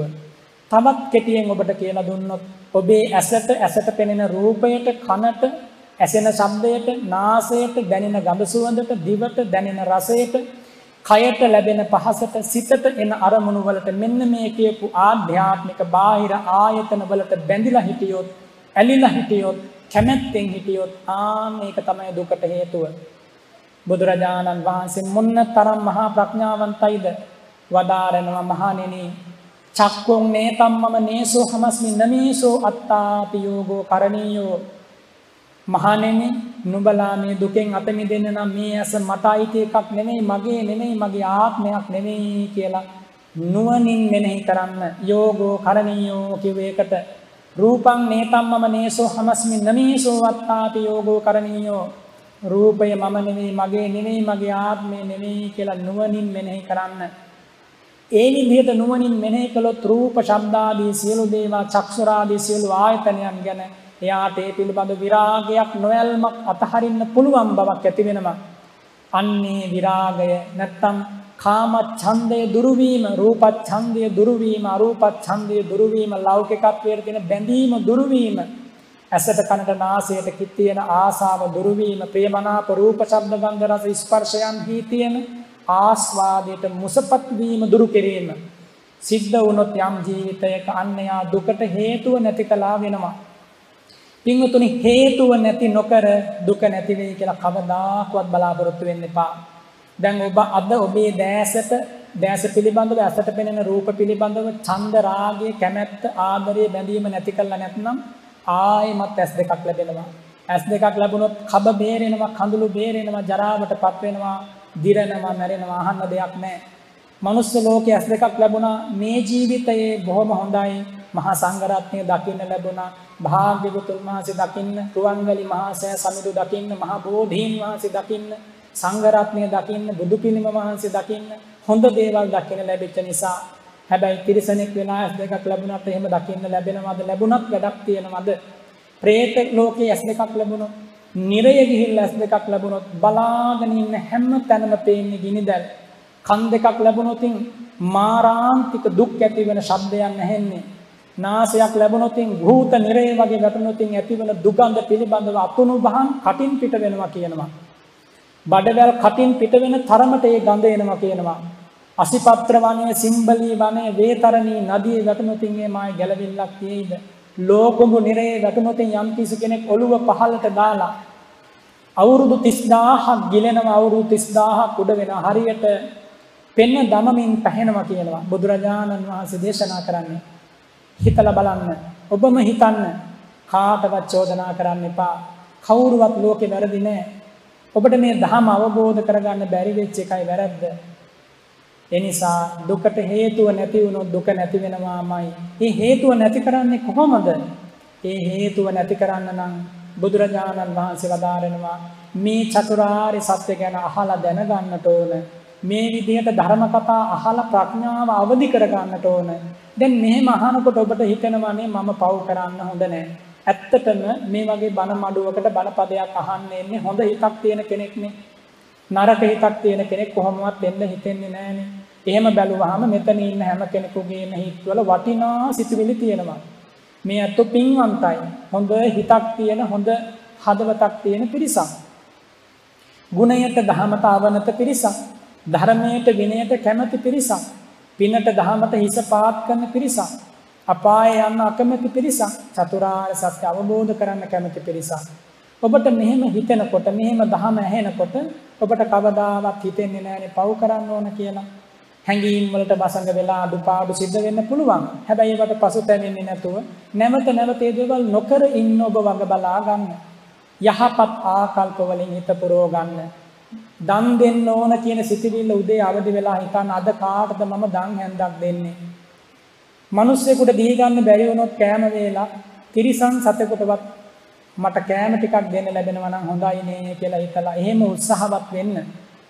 ඒ වගේම නෙක්ඛම්ම සංකල්පනාව තුළ ඔබ හිතන්න අද දවසේ මම දුස්සීල වෙන්නේ නැහැ. ඕන තරම් සංසාරේ දුස්සීලියෝ වෙලා ඉඳලා තියෙනවා. අනිත් එක දුස්සීල වෙන එක නෙමෙයි අභිමානය කියන්නේ සිල්වත් වෙන එකයි අභිමානය කියන්නේ. සිල්වතාට තමයි දෙවියෝ බ්‍රහ්මයෝ වඳින්නේ දුස්සීලයන්ට වඳින්නේ නැහැ. ලෝකයක් දුස්සීල වුණත් මම බුදුරජාණන් වහන්සේගේ සිරිපා සරණ ගිය කෙනෙක් මම දුස්සීල වෙන්නේ නැහැ. එහෙම හිතුවොත් විතරක් ඔබට පුළුවන් සීලයෙන් සුවඳවත් කරගන්න ජීවිතේ. අන්න එහෙම හිතලා ඔබ හිතන්න අද දවසේ නම් මම කාටවත් වෛර කරන්නේ වෛරයෙන් මම නිදහස් වෙනවා. මම සංසාරේ වෛර කරලා ඕන තරම් දුක් විඳලා තියෙනවා. ඒ වෛරය නිසා තමයි මේ ජීවිතේ පවා මට නොඑක් අඩුපාඩුකම් හිත් පීඩා, කායික පීඩා, මානසික පීඩා මෙව සිද්ධ වුනේ. ඒ නිසා මම මෙත් සිත පතුරවනවා මේ ලෝ සතුන් සුවපත් වේවා කියන සිතුවිල්ල මම පවත්වනවා. අන්න එහෙම හිතුවොතින් ඔබට පුළුවන් එදා දවස ලස්සන කරගන්න. සම්මා සංකල්පයෙන් එතකොට වැඩෙන්නේ. එහෙම හිතපු කෙනෙකුට බෑනේ කාටවත් නපුරු වචන කතා කරන්න. එයාට නපුරු වචන කතා කරන්න හිතෙන්නේ නැහැ. වැරදිලාවක් නපුරු වචනයක් කියවුනොත් පසුතැවිලා නැවත ඒක කියන්නේ නැහැ. ටික ටික වචනය සංවර කරගන්නවා. බලන්න සම්මා වාචා මාර්ගාංගය වැඩෙනවා. ඒ වගේම එයා කයින් යම් වැරැද්දක් කරනවා නම් හැඟීම් වලට වසඟ වෙලා ටික ටික ඒවා අඩු කරගන්නවා මම ප්‍රාණඝාතය කරන්න හොඳ නැහැ. වැරදි කාම සේවනයන් සොරකම් වලට මම යන්න හොඳ නැහැ. මේ පණ තියෙන කාලේ මස් වැදැල්ලේ හයිය තියෙන කාලේ වැරදි කළාට පස්සේ අවසානයේ එක තැන් වෙනකොට වකුටු වෙනකොට ලෙඩ ඇඳට වැටෙනකොට ඌවා පසුතැවීමට හේතු වෙනවා. ඒ නිසා මම මේ දේවල් කරන්න හොඳ නැහැ. මං වගේ නෙමෙයි ඒ කාලේ හිටපු රජ කුමාරවරු මේ කාමයන්ගෙන් වෙන් වුණා. සිටු කුමාරිකාව කාමයන්ගෙන් වෙන් වුණා. රජසිටු කුමාරිකාව මහා උතුමෝ මහේශාක්‍ය උතුමෝ සිල්වත් වුණා නම් මං වගේ කෙනෙකුට ඇයි සිල්වත් වෙන්න බැරි කියලා හිතලා එයා වැරදි කාය කර්ම කරන්නේ නැහැ. ඒ වගේම ජීවත් වෙන්න කිසිම බොරුවක් කියන්නේ නැහැ. ජීවිතයේ උදෙසා කිසිම පාපයක් කරන්නේ නැහැ.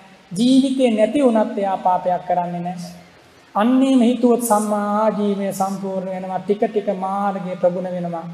ඒ වගේම ඒ විදියට හිතලා මම අකුසල් තවන වීරිය වඩන්නට ඕන. මොකක්ද අකුසල් තවන වීරිය කියන්නේ? පාපී සිතවිල්ලක් හිතට ආවොත් ඒ නැති වෙන කම්ම භාවනා කරන්නට ඕන. කුමක්ද භාවනාව කිව්වේ? අපි හිතමුකෝ ඔබට රාගික සිතවිල්ලක් ආව ආයත හා විදියට. අන්න එහෙම සිතවිල්ලක් ආපුවා මේක වදයක්, ඒක පීඩාවක්. ඒ වෙලාවේ ඔබට පුළුවන් අත්ති මස්මින් කායේ කේසා ලෝමා නඛා දන්තා තචෝ ආදී වශයෙන් තම ශරීරයේ කොටස් වශයෙන් අසුබ සති මනසිකාරයට යොමු කරන්න. මේ කියන දේ ඔබ අදහාගෙන ඔබට රාගික සිතුවිල්ලක් ආපු වෙලාවේ ඔබ ඔබේ ශරීරය දිහා බලලා ඔබ හිතන්න කේසා ලෝමා නඛා දන්තා තචෝ තචෝ දන්තා නඛා ලෝමා කේසා කියලා. ඒ විදිහට සිතිවිල්ලි වශයෙන් හෝ වචන වශයෙන් 10 12 වතාවක් සජ්ජායනා කරනකොට ඒ රාගික සිතිවිල්ල නැති වෙනවා සැබවින්ම ආශ්චර්යමත්. ඒ විදිහට නැති වෙන්නේ නැත්නම් තවත් භාවනා ක්‍රම තියෙනවා. ඒ නිසා ඔබේ සිතේ ඇති වෙලා තියෙන ඕනෑම දුර්ගුණයකට ඕනෑම පීඩාවකට ඕනෑම ප්‍රශ්නයකට බුදුරජාණන් වහන්සේ නම් වූ අනුස්සරෝ අනුත්තරෝ සල්ලකත්තෝ බිසක්කෝ කියපු අනුත්තර වූ වෙදදුරාණන් වෙන සල්්‍ය වෛද්‍යවරයා වන බුදුරජාණන් වහන්සේ ළඟ ඒ සෑම රෝගයකටම මානසික නියමාකාර ප්‍රතිකාරයක් තියෙනවා ඖෂධයක් තියෙනවා ඒ තමයි මේ අමා දහම. එනිසා සමත වශයෙන් කර්මස්ථාන 40ක් අනුසාරයෙන් සිත පුරුදු කරගෙන යනකොට අකුසල් තවන වීරිය සම්මා වායාමයේ වැඩෙනවා. සම්මා වායාමයේ නැවත නැවත වැඩෙනකොට යම්කිසි කෙනෙකුගේ හදවතේ එයාගේ සතිය නැත්තම් සිහිමත් බව එහෙම නැත්තම් සතිපට්ඨාන නුවණ ටික ටික දිනු වෙනවා. මේවා ආශ්චර්යමත් කරුණු පුරුදු කරලා බලන්න වැඩෙනවද නැද්ද කියලා. සැබෑ සතුට ඕන නම් බාහිරින් නෙමෙයි ඇසෙන් කනෙන් නාසයෙන් නෙමෙයි මේ ධර්මයෙන්ම සතුට හොයන්න. කවදාවත් නොසිඳෙන උල්පතක් සදිති සතුටක් පෑදෙනවා. ඒ සතුට ලබන්න දෙවන්නේක් ඉන්න ඕනේ ඒ සතුට අහිමි වෙන්නේ නැහැ වයසට යනකොට. ඒ සතුට ලබන්න කාසි නෝට්ටු වමනා කරන්නේ නැහැ. ඕනෑම කෙනෙකුට ශ්‍රද්ධාව තියෙනවා නම් ඒ සතුට ලබන්න පුළුවන් එයාගේ හිත සමාධිමත් වෙනවා. සමාධිමත් වුණාට පස්සේ ඔය මාර්ගාංග ටික සම්පූර්ණ වෙලා සමාහිතෝ යථා භූතම් පජානාති සමාධිමත් සිතක් ඇති කෙනාට ඇත්ත ඇති සැටියෙන් දකිනවා. සියලු කෙලෙසුන් නසාදමා ශාන්තම නිවනින් සැනසෙන ශ්‍රාවකයා බවට පත් වෙනවා. පින්වත් සියලු දෙනාටම ඒ වාසනාව මේ උතුම් බණපදයෙන් ලැබේවා කියලා මම ආශිර්වාද කරනවා. මම අද මේ උතුම් ධර්ම දේශනාව සඳහා ඉස්සෙල්ලාම දේශනා කරපු ගාථා දෙක.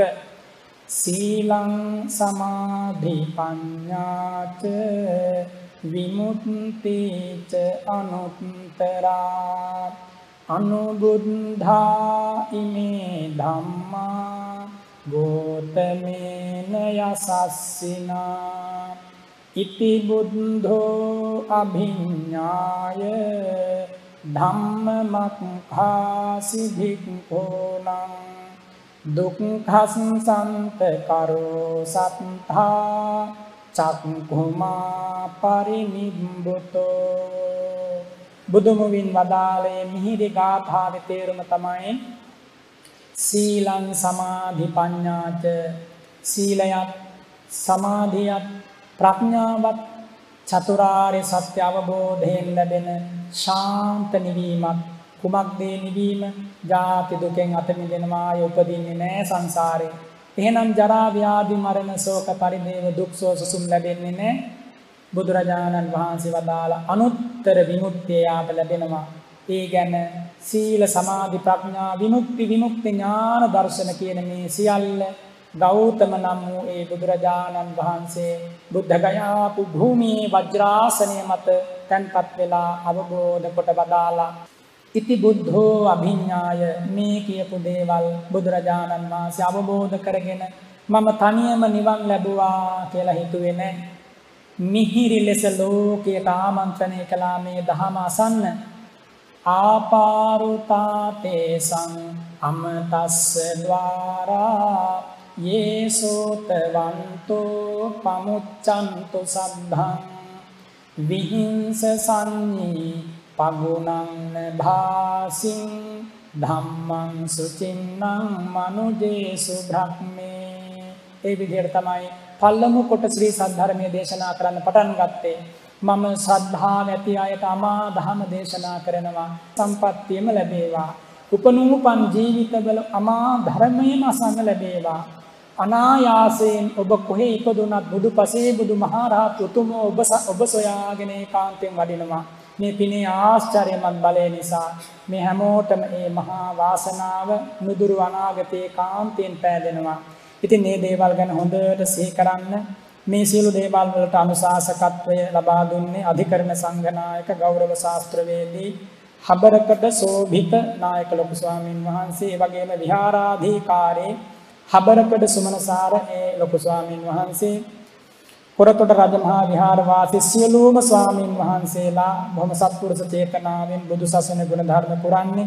ඒ වගේම ධර්මයේ ශ්‍රවණය කරන්න පැමිණිච්ච මේ සියලු දෙනාටම ආශිර්වාද කරනවා මේ උතුම් ධර්ම දේශනාව තුළ. රැස්වෙච්ච මේ මහා පින සැනසීමටම හේතු වේවා කියලා මේ පින්වත් පිරිස.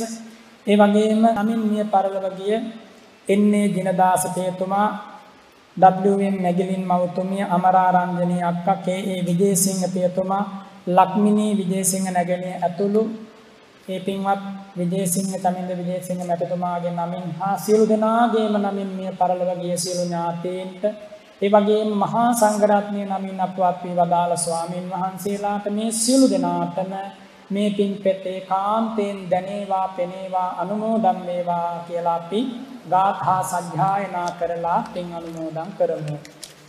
ඉදං වූ ඥාතිනං හෝතු සුඛිතා හොන්තු ඥාතයෝ.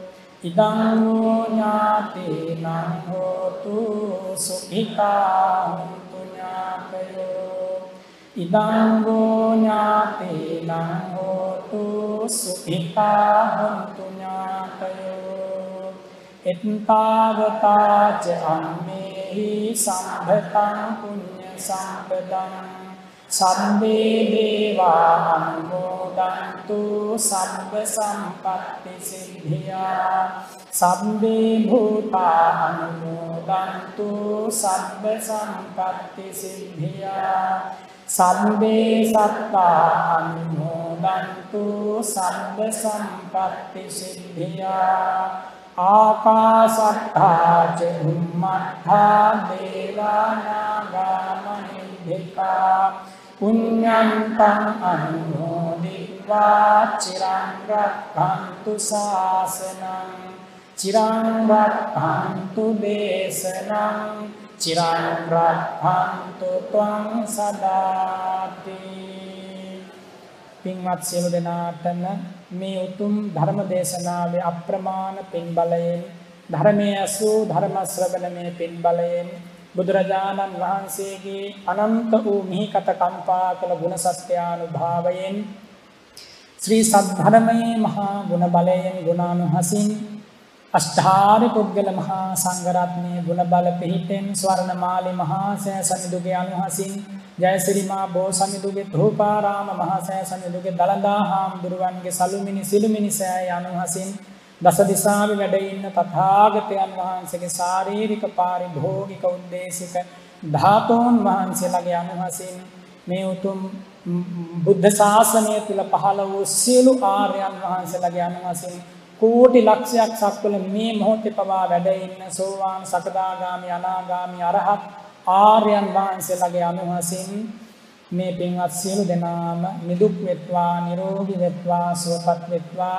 විශේෂයෙන් මේ පින්වත් චමින්ද විජේසිංහ මැතිතුමා එම මැතිණිය ඇතුළු දරු පිරිසක් මෙම විහාරස්ථානයේ ගරු කටයුතු අධිකරණ සංඝනායක ලොකු ස්වාමින් වහන්සේ කෘත්‍යාධිකාරී ස්වාමින් වහන්සේ ඇතුළු සංඝ පිරිසක් මේ බණපදයට සවන් දුන් ඔබ සියලු දෙනාමත් මේ අනන්ත බුදු සසුනේ ගුණ බලය අනුහසින් සුවපත්ම වේවා නිදුක් වෙත්වා නිරෝගී වෙත්වා.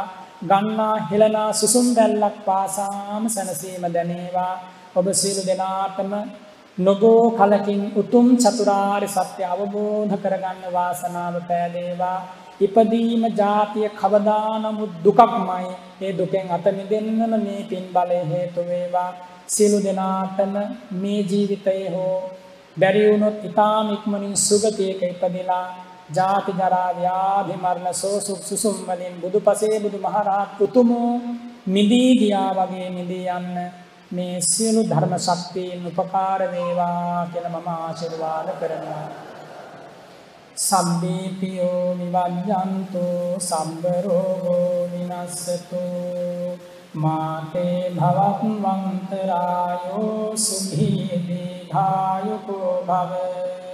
භවතු සබ්බ මංගලම් රක්ඛන්තු සම්බ දේවතා සම්බ බුද්ධානුභාවේන සදා සොත්ති භවන්තු තේ සම්බ ධම්මානුභාවේන සදා සොත්ති භවන්තු තේ සම්බ සංඝානුභාවේන සදා සොත්ති භවන්තු තේ අභිවාදන සීලිස්ස නිච්ඡං වද්ධා පචායිනෝ. චත්තාරෝ ධම්ම වඩ්ඩන්ති ආයුවන්නෝ සුභං බලං. ආයු ආරෝග්‍ය සම්පත්ති සග්ග සම්පත්ති නේනච. අතෝ නිබ්බාන සම්පත්ති ඉමිනාතේ සමිද්ධතු ඉත්ථිතං පත්ථිතං තුයිහං කිප්පමේව සමිද්ධතු සම්බේ පුරෙන්තු චිත්ත සංකප්පා චන්දෝ රූපං රසී යථාදී ධර්මස්සවනානි සංසබල